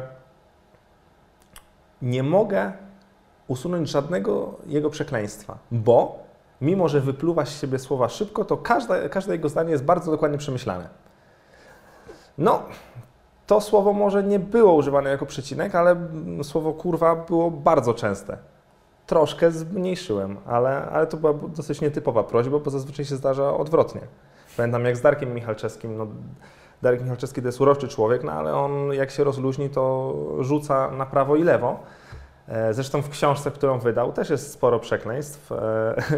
No i ja tak i tak, tak wygładziłem tamtą rozmowę e, naszą, e, po czym on zadzwonił. Nie, nie, nie, ja takim językiem w ogóle nie mówię. Więc Ale wiecie, no, to jest dobre, no, to jest dobre. no. Że, że też ktoś jakby siebie rozumie.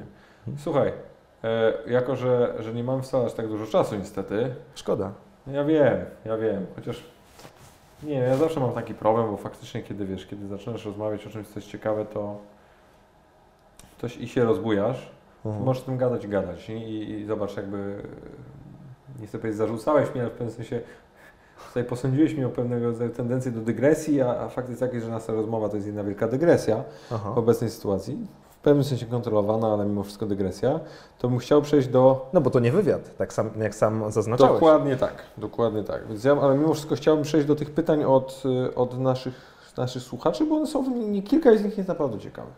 E, Tak mi się tak, wydaje. tak, i będziemy, będziemy uzupełniali różnymi Oczywiście. naszymi wtrące. Oczywiście. e, niami. Wiesz co, przede wszystkim Twoi słuchacze pytali o podcast, więc e, o tym głównie będziemy e, rozmawiali. No. Już Ci mówię. Bo też, też, też Roz- autorów pytań e, oczywiście e, To możesz tutaj ich pozdrowić. pozdrawiamy międzyczasie. wszystkich. Świetnie, świetnie.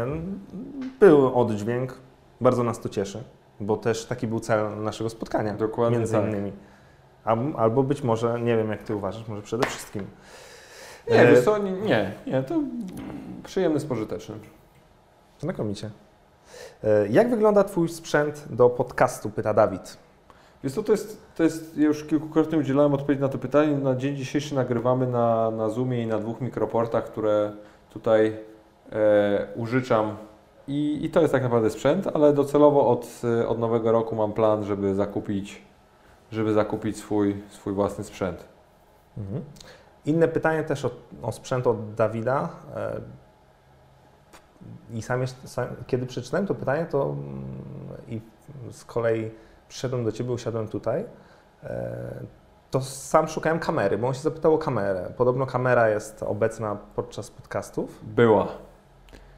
Przez pierwsze trzy odcinki miałem taki plan, że miało to być w formie też wideo i miałem dogrywać do tego kilkuminutowe, kilkuminutowe takie krótkie strzały, które miały iść na, na mój dedykowany kanał na YouTubie, ale w pewnym momencie zrozumiałem, czy tak naprawdę podjąłem decyzję, że skupiam się stuprocentowo na audio i nie zamierzam w ogóle w żadnym stopniu też poświęcać się wideo na dzień dzisiejszy. Niemniej i, i zostawiłem sobie w pewnym sensie wideo na, na troszeczkę inną okazję.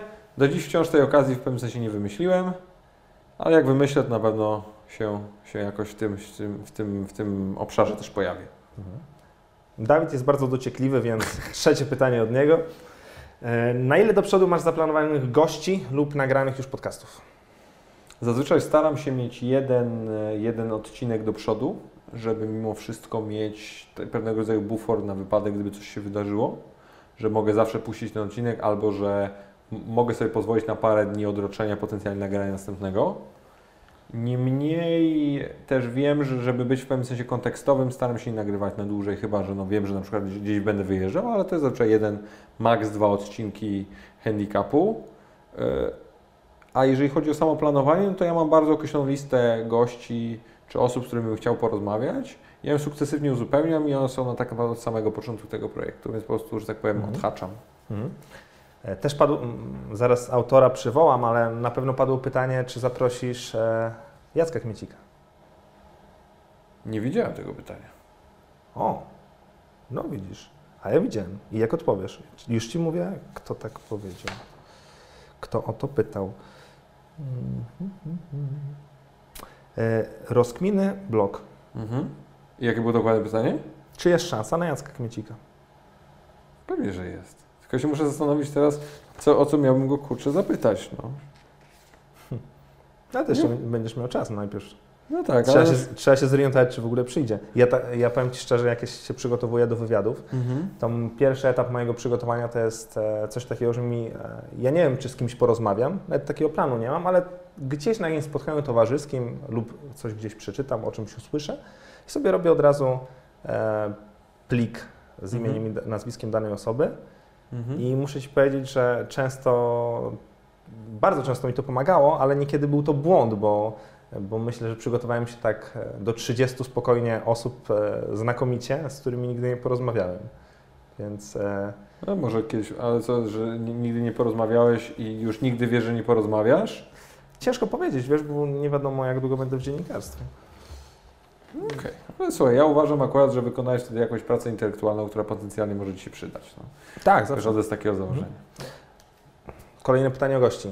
E, czy po raz drugi planujesz zapraszać? Tak.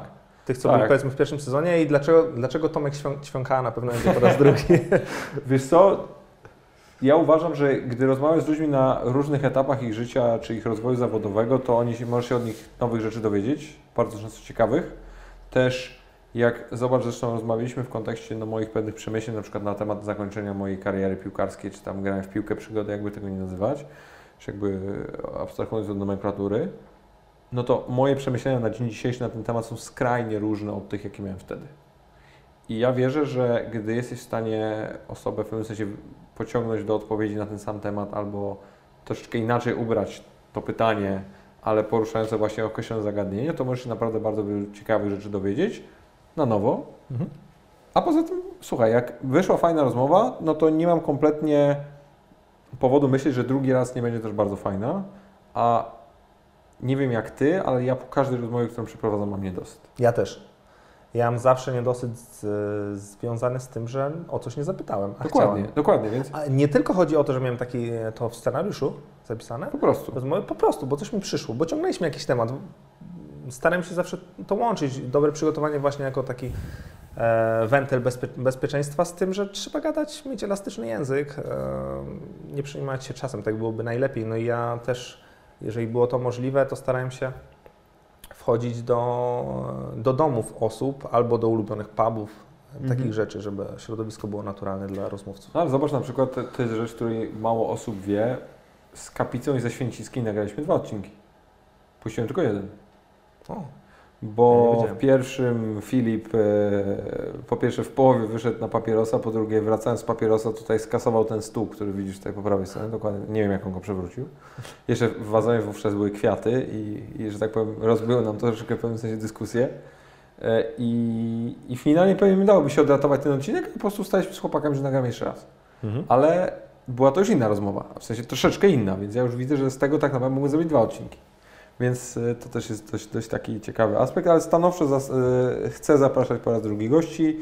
Wierzę w ten format i a jeżeli ktoś będzie w ogóle kozacki, to mógłbym z nim, wiesz, najchętniej to co tydzień nagrywać. Nie? To jest ciekawe pytanie.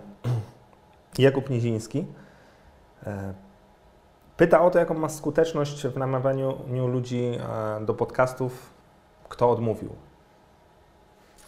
Na tą chwilę nie powiem tak, na tą chwilę potwierdzili mi tak naprawdę wszyscy, z którymi rozmawiałem.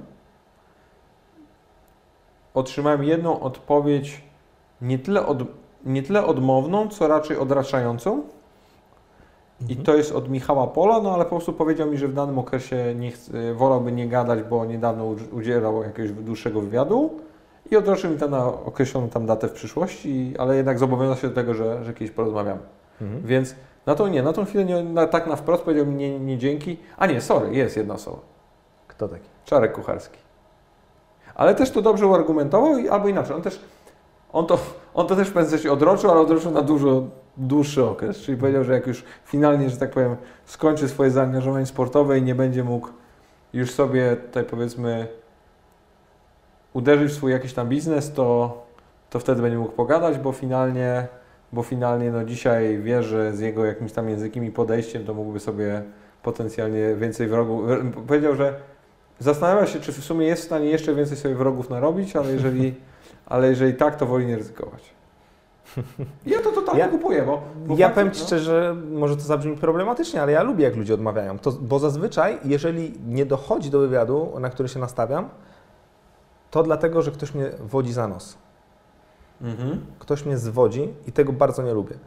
I w ogóle przy, w związku z pracą w, dzien, w dziennikarstwie dostrzegam, że my chyba jako, jako ludzie mamy problem z asertywnością cały czas, bo, bo dla mnie to nie jest problem. E, znaczy, to nie jest kłopot, że ktoś nie chce ze mną gadać, czy tam Mhm. z portalem, który reprezentuję, bo powiedzmy sobie szczerze, zazwyczaj to o to drugie chodzi, Mhm. przecież mnie nie zna, E, albo w ogóle nie chce rozmawiać z mediami. E, to jest jego święte prawo. No. Nie, nie lubię, jak, jak oszukuje, albo tak jak ostatnio się zdarzyło, przyjechałem na jakąś zabitą dechami e, wieś, to było w zeszłym tygodniu bodajże, e, i jak osioł czekałem 5 godzin na, na rozmówcę, udało mi się nawet do niego na podwórko e, wejść, poznałem mm, mieszkańców, przepraszam, że tak nazwałem, że zabitą e, dechami e, wieś, bo to jest, e, bo to kiedyś było miasto, Wierzbica Mhm. pod Radomiem. E, No ale nic z tego, nic z tego nie wyszło. Po, po, poznałem przynajmniej lokalną społeczność, a to jest plus. No widzisz, tak, tak to bywa. No. Fakt jest taki, że, że jestem przekonany, że z tą odmową się gdzieś na pewno będę po drodze spotykał i to jest raczej, wiesz to dużo, dużo większy problem zazwyczaj jest logistyka niż sama odmowa. Mhm. I tutaj parę rozmów nie wyszło właśnie, albo, albo też cały czas, że tak powiem, próbujemy się jakoś zgrać, bo, bo terminy, nie? Bo fakt jest taki, że dopóki ktoś jest w Warszawie, to jest proste do zrobienia. E, Podcast też jest, wiesz, robiony 100% z pasji to nie jest jakby komercyjne i ja w jakiś sposób normalnie pracuję na co dzień, robię bardzo określone rzeczy i to też nie jest tak, że, że mogę temu poświęcić od, od, od cholery czasu. Mhm. A to jeszcze w związku z pracą zapytam Cię, miałem wcześniej. Ty jak byłeś w pierwszym zarządzie, to miałeś 19 lat, 20 lat? Chodzi mi o koszykówkę bodajże. Czy, czy coś było wcześniej? 20. Tak mi 20. się wydaje. No. 20. Teraz masz 22, 3 w styczniu. 23 w styczniu. No ale to jeszcze dwa. No. I masz tak. No była ta Legia, Mhm. e, jest e-sport, Mhm. e, abstrahuję. Mhm. Tu trzeba powiedzieć, że przeabstrahuję to chyba, gdyby nie to, że ty ich kojarzyłeś, to, to pewnie byście się tam e, tym, no w to nie zainwestowali. tego, Zakładam, że gdyby nie tam parę moich długich rozmów z Bogusiem Leśniodorskim i z moim ojcem, no to, to, to, to nie, ta transakcja by się nie wydarzyła. Mhm. Niemniej, no, ich udział w tym jest ogromny na dzień dzisiejszy i, i stanowczo są bardzo zaangażowani w ten projekt. Mhm. Przede, przede wszystkim Boguś, bo ojciec to raczej nie. Ty zdajesz sobie sprawę, że osób takich jak ty, nie znając ciebie, raczej się z definicji nie lubi? Spoko. Nie, bo Tak, Tak. zdaję, no ale... wiesz, bo, bo ludzie, lu- ludzie dobra, tak no, zawsze ale- mówią. No, a, za, a odpowiedz sobie sam na to pytanie, albo No. inaczej. Ja Ci zadam pytanie, a postaraj się na nie odpowiedzieć stosunkowo, to powiedzmy, obiektywnie. Dlaczego? Nie ma racjonalnego moim zdaniem powodu, natomiast e, No to, ale Dlaczego? stereotypowy. stereotypowy? Mm, bogaty tata i bezglutenowa dieta. Spoko. Wystarczy, wiesz, dla ludzi to wystarczy. Obie rzeczy prawdziwe. Mhm. A ty nie masz problemu chyba, żeby powiedzieć. Pamiętam, czytałem taki wywiad e, z Tomaszem. Tomasz Listkiewicz? Tomasz Listkiewicz, syn, Syn Michał, syn no. Michała. Kurczę. Du, dużo te, tego Michała Listkiewicza dzisiaj, no ale cóż. Jak się Nie. zafiksujesz na jedną osobę, tak to bywa czasami. A No. miałem z nim fajny, fajny wywiad, więc pozdrawiam, jak może No. przesłucha. Em, To on powiedział, że tak, to prawda, nie byłbym w tym miejscu, gdyby nie, gdyby nie moje nazwisko.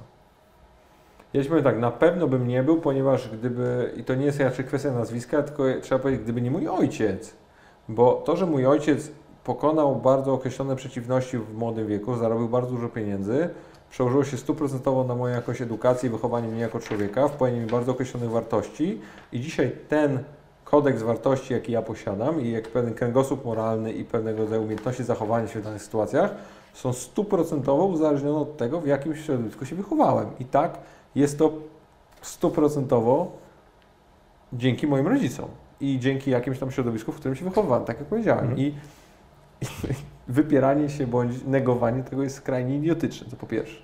Niemniej, e, co do samej wiesz, historii. Jeżeli chodzi o, o tą legię koszykarską, to fakt jest taki, że zarząd, jest, jest to śmieszne stwierdzenie w, w tamtym czasie, bo pracowało tam łącznie cztery osoby, a zarząd był tylko i wyłącznie dlatego, że Legia z tytułu posiadania akcji, ponieważ była to spółka akcyjna, no tytułem tam kodeksu, nie, nie kodeksu, tylko, tylko po prostu regulaminu rozgrywek.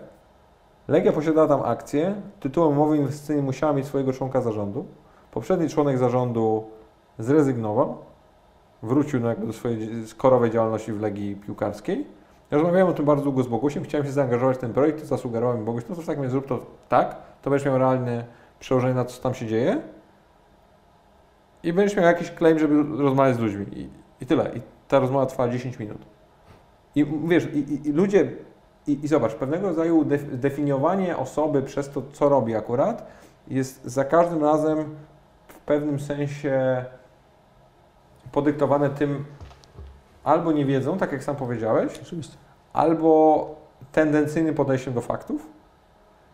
A gdyby ktoś realnie się mnie o to zapytał, to by dokładnie otrzymał taką odpowiedź. Ja ani nigdy się nie pozycjonowałem na wielkiego kurde biznesmena, na wielkiego zarządcę. Słuchaj, fakt A jest ty jak taki, byłeś w zarządzie, to byłeś społecznie wtedy w Legii? Oczywiście, ja nie, ja, ja, ja, ja realizowałem projekty dla Legii w ramach mojej normalnej pracy w marketingu pod wiceprezesem Kubą Szumielewiczem Aha. i obok tego byłem w zarządzie Legii Koszykarskiej za darmo. No właśnie, no to No nie, wiesz, i, i, to, jest, i to jest madness, no po prostu o czym my rozmawiamy w ogóle, nie? To jeżeli za każdym razem, ja, ja Ci powiem tak, to był najlepsza rzecz, jaką mogłem wtedy zrobić, bo dostałem miniaturową wersję Legii Warszawa z tymi samymi procesami, z tymi samymi problemami, z podobnymi w ogóle mechanizmami funkcjonowania, tylko na dużo mniejszej kasie, na dużo mniejszej presji i na dużo mniejszej częstotliwości pracy. Najlepsza rzecz, jaką mogła się wydarzyć wtedy. tak, Jeżeli chodzi w ogóle o rozumienie sportu. świe- Świetna do nauki, jasne. No dokładnie. A ty w ogóle dobrze do tego podchodzisz, bo jak ktoś cię tam zaczepił na Twitterze em, z pytaniem chyba, Mhm. Czy zawsze będziesz miał gości e, kumpli e, Mhm. z loży VIP-owskiej, No. e, kumpli, ta, kumpli taty z No. loży VIP-owskiej, to ty powiedziałeś, że jeżeli to będą wybitni sportowcy i ciekawi ludzie, to jasne, nie? Słuchaj, gościem, gościem loży na Legii był na przykład Roberto Carlos. Albo Zinedine Zidane. Albo no, wszyscy prezesi kurde, klubów sportowych w Polsce.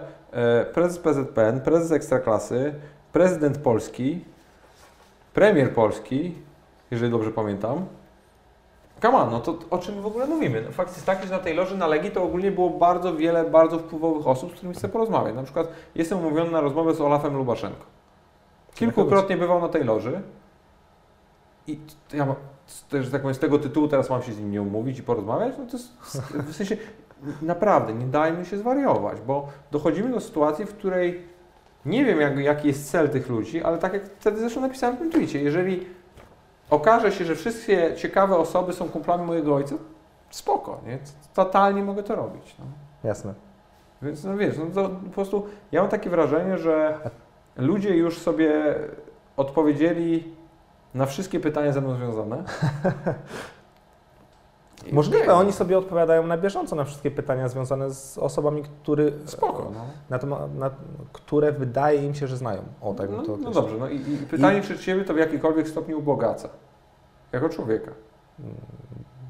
Tamte osoby? No tak, no w sensie hipotetycznie, tę osobę, która finalnie jakby zadaje, odpowiada sobie na takie pytanie. No albo na przykład w Polsce my spotykamy się Nie, z ale- stereotypem, zobacz, że jeżeli ktoś ma pieniądze i potencjalnie działał na rynku w latach 90., to prawdopodobnie je ukradł, albo doszło do jakiegokolwiek przekrętu, albo miał zajebiste szczęście, e, no albo miał, albo miał właśnie, był, był, był poukładany postkomunistycznie. Co to w ogóle, w sensie prawdopodobnie w jakimś stopniu gdzieś to zawsze jest prawdą, To ale jest marnowanie czasu, powiedzmy ale- sobie szczerze. Dokładnie, nie? No, ale co, to, to co powiedziałem, czy w jakimkolwiek stopniu tego typu dywagacja Ci ubogaca jako człowieka albo poprawia Twoją dzisiejszą sytuację? Mhm. Znaczy ja lu- lubię mówić, że nie przeszkadza mi, jak e, ktoś jest głupi albo traci czas, bo na tym tle można się wybić. Dopóki, nie, dopóki nie traci mojego czasu. Dopu- no tak, oczywiście. Tak, bo, Ale nie, bo ludzie wtedy, lubią nie, bo tracić wtedy, czas, wtedy bo- to już mnie wkurwia. Aha. Je, wiesz, bo, że tak powiem, idź sobie myśleć o takich rzeczach i zadawać takie pytania gdzieś indziej, bo mi się nie chce o tym po prostu gadać. Jeżeli, bo masz na przykład takie sytuacje i to jest też bardzo fajne i Twitter mi to daje, że tutaj ludzie naprawdę czasem wydaje mi się rzucają komentarze nie, nie oczekując odpowiedzi i dostają tę odpowiedź i kompletnie nie mają w ogóle później, wiesz, jakby jakiejkolwiek innej odpowiedzi na to, nie? Ja teraz mam jeden, jeden tekst, który jak ktoś mi pisze tak z dupy, z dupy mnie krytykuje i za bardzo nie wiem jak się do tego odnieść, to, to cytuję e, Voltera i mówię, Mhm. że e, no i piszę, że dowcipne, do- dowcipne albo złośliwe powiedzenie niczego nie udowadnia. Koniec, no bo tak jest. No. No ja, mam, ja, mam, ja mam jeszcze bardziej prymitywny, mianowicie przeczytałem kiedyś na jakimś forum. Ja jak miałem 14 lat byłem totalnie wkręcony w handlowanie limitowanymi butami do koszykówki. I to, to był w ogóle moje pierwsze biznesowe przedsięwzięcie. Jestem z niego strasznie dumny i tak naprawdę w ogóle ukształtowało mnie jako, jako dzisiaj powiedzmy jakieś moje takie myślenie o, o popycie, podaży, różnego rodzaju innych rzeczach. to przeczytałem kiedyś na, na, na forum e, związanym z butami, że ktoś rzucił taki totalnie skrajnie tępy komentarz w jakimś tam kontekście, już nie pamiętam, i, i gość potem mu napisał, ten komentarz był tak bez sensu, że wrzucam przepis na gofry i wrzucił przepis na gofry. I to jest centralnie po prostu najlepsza odpowiedź, jaką ja zobaczyłem w internecie, jeżeli chodzi, jak masz po prostu takiego skrajnego debila, nie? No, zajebiste. No tylko, że na Twitterze nie wrzucisz przepisu na gofry, bo masz limit znaków, więc musiałem link znaleźć, a to już by było, wiesz, nie, nie byłoby tego efektu. No muszę wrócić, bo rozumiem, że czas się kurczy. Spoko. Wracam do pytań od, e, od Twoich słuchaczy. Mm, Wy, ma, wy pytałem, pytali, pytali, zostali zapytane o gości, którzy czy odmówili, czy przyjdą drugi raz, czy będzie Jacek Miecik, czy będzie Ćwiąkała, a jeżeli byś miał wskazać wymarzonych gości, ale realnie, o to pros, prosi Cię rozkminy blog. Raz jeszcze. I tutaj na przykład z Mateuszem Święcickim rozmawiałem bardzo długo na temat tego, co to znaczy realny. Oni, chłopaki dzisiaj tak naprawdę udowadniają, że jesteś w stanie dzisiaj dotrzeć do bardzo wielu potencjalnie totalnie nie, niemożliwych do, do, do, wiesz, do dostania się ludzi. I ja mam pewien plan i pewną koncepcję, która mam nadzieję się sprawdzi i wtedy w ogóle wyczerpię kompletnie swój, jakoś powiedzmy swoją motywację dziennikarską, bo od, uzyskam odpowiedzi od wszystkich osób, od których marzyłem, żeby uzyskać odpowiedzi. Nie będę jakby mówił o co chodzi, ale mam taki pomysł i pewnego rodzaju format, który wierzę, że będzie skuteczny. I wiesz, moim, moim wymarzonym rozmówcą jest nie wiem, LeBron James, Zlatan Ibrahimowicz, Serena Williams. Mhm. I to wszystko są ludzie w zasięgu, ponieważ mówię po angielsku, jestem ciekawy, rozumiem, co oni będą do mnie mówić i żyjemy w erze mediów społecznościowych, gdzie dzisiaj jestem w stanie zaobserwować tego człowieka i wysłać mu prywatną wiadomość. I to ode mnie zależy, w jaki sposób ja skonstruuję tę prywatną wiadomość, żeby on chciał odpowiedzieć na tę wiadomość albo poczuł się zaintrygowany tym, żeby potencjalnie chcieć ze mną porozmawiać. A fakt jest taki, że ludzie kochają tego typu historie i choćby się zlewarować tym, że jesteś, wiesz, z szybko rozwijającego się państwa, w którym wciąż nie ma kultury sportu, w którym chcesz pokazać ludziom, jak działa mózg najlepszego sportowca na świecie, to jest duże prawdopodobieństwo, że może Ci coś odpowie. Nie wiem, czy LeBron, czy Zlatan, czy Pogba, tym, ale już wiesz, tier 2, nie? Mhm. kto i tak będzie wybitnym sportowcem, Ci odpowie. Poza tym po, pojęcie wiadomości jest bardzo względne, bo na przykład Łukasz Jakubiak, no. E, nie chcę mówić o tym, jak on załatwiał sobie mhm. E, rozmowy, ale jak załatwił sobie kiedyś pracę. On wyszedł, nie wiem czy o tym słyszałeś. Z tym billboardem? E, tak jest. Tak. I to jest wiadomość. To też tak. jest wiadomość, prawda? Nie. No, no, i, no i brawo. Z każdym można pogadać, wiesz? No dokładnie. Tak więc, się wydaje. E, ja mam... Kwestia ja mam, tego, ja mam, być cierpliwym ja mam, bardzo i, i kreatywnym. Tak. E, miałem cel pogadać z mistrzem olimpijskim, udało się. E, miałem cel pogadać z mistrzem świata, udało się. E, nie mam jeszcze mistrza Europy, ale bardzo chcę pogadać na przykład z, z Piotrkiem Gruszką. Super postać. E, to będzie. Mhm. Mm, nie wiem, z Mają Włoszczowską bardzo bym chciał porozmawiać. E, nie miałem jeszcze kobiety w podcaście. To to jest mój cel taki krótkoterminowy. Chcę bardzo porozmawiać z jakąś dobrą kobietą i bardzo ciekawą kobietą, która faktycznie rzuciłaby, która też będzie w stanie odpowiedzieć mi na takie kwestie, jak wiesz, jak to jest być kobietą w sporcie, albo jak to jest być ogólnie kobietą w świecie sportowym, który jest z defaultu zdominowany przez mężczyzn. To prawda, bo to są ciekawe kwestie. A nie każdy potrafi na nie odpowiedzieć, bo po raz kolejny nie każdy ma refleksję w tym aspekcie.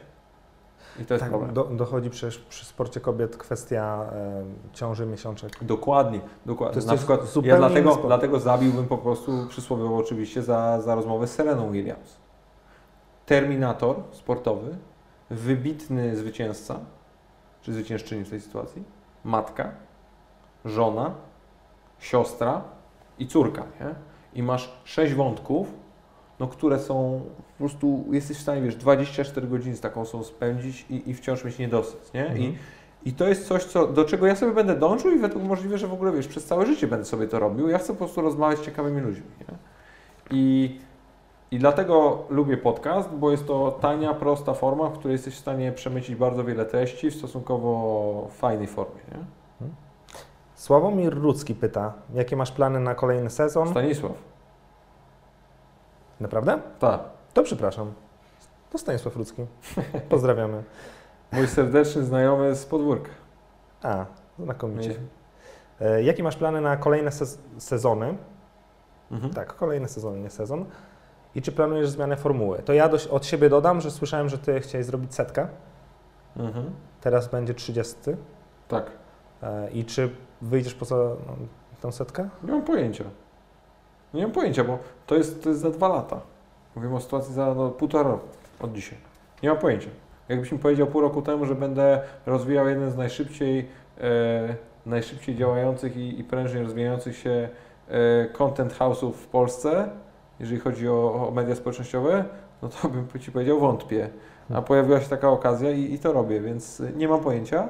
Wiem na pewno, że w jakiejś formie chcę to kontynuować, bo daje mi to, jest to ma to pewną rodzaju wartość terapeutyczną dla mnie, jest zajebiste i zobaczymy, ale, ale nie wiem. Jeżeli chodzi o zmianę formuły, tego, tej formuły raczej nie. Na pewno chciałbym, na pewno chciałbym wprowadzić coś ekstra i potencjalnie, i potencjalnie troszeczkę wyjść jeszcze z czymś innym na rynek, może właśnie z regularną pewnego rodzaju taką rozmową, żebym znalazł sobie kompana, gdzie ja będę mógł poruszać swoje jakieś kwestie, a nie tylko wypytywać. No nie wiem, zastanawiam się. Mhm. Dawaj, szansa na ostatnie jeszcze mamy. Jeszcze ostatnie. Dawaj, To już będzie ostatnie? tak. Wiesz, że gadamy dwie godzinki prawie. Naprawdę? Mhm. No widzisz, to jeszcze do mnie były pytania. Żartuję. Znaczy nie, no były, no ale nie musimy ich poruszać. Mm, Były, przecież gadaliśmy kurde 45 minut o tym. Jak się przeprowadza wywiady i wbrew pozorom dużo więcej mi powiedziałeś niż ja bym sam sobie powiedział. no o to chodziło. Dokładnie. O to chodziło. To też muszę Ci powiedzieć, że e, nie tylko mm, dziennikarstwo pod kątem, jeżeli szczególnie Mhm. angażujesz się w produkowanie e, treści, treści własnej, a nie o odtwa- odtwarzanie, to nie tylko chodzi o kontakt z ludźmi, ale również o wiedzę od nich. Bo wiesz, jak się spotykasz, masz ktoś Ci tutaj rzuci jedno hasło, Dokładnie przeczy- przeczytasz książkę, Dokładnie tak. zerkniesz na artykuł albo zmienisz w stosunku do czegoś e, podejście. Który z Twoich podcastów oceniasz jako najlepszy? O tym trochę rozmawialiśmy. Jakub Niziński Mhm. o to pyta, więc nie wiem, czy, e, czy ten temat pociągniemy. Jeszcze zerknę, czy padło inne. Pytanie? 3 mam.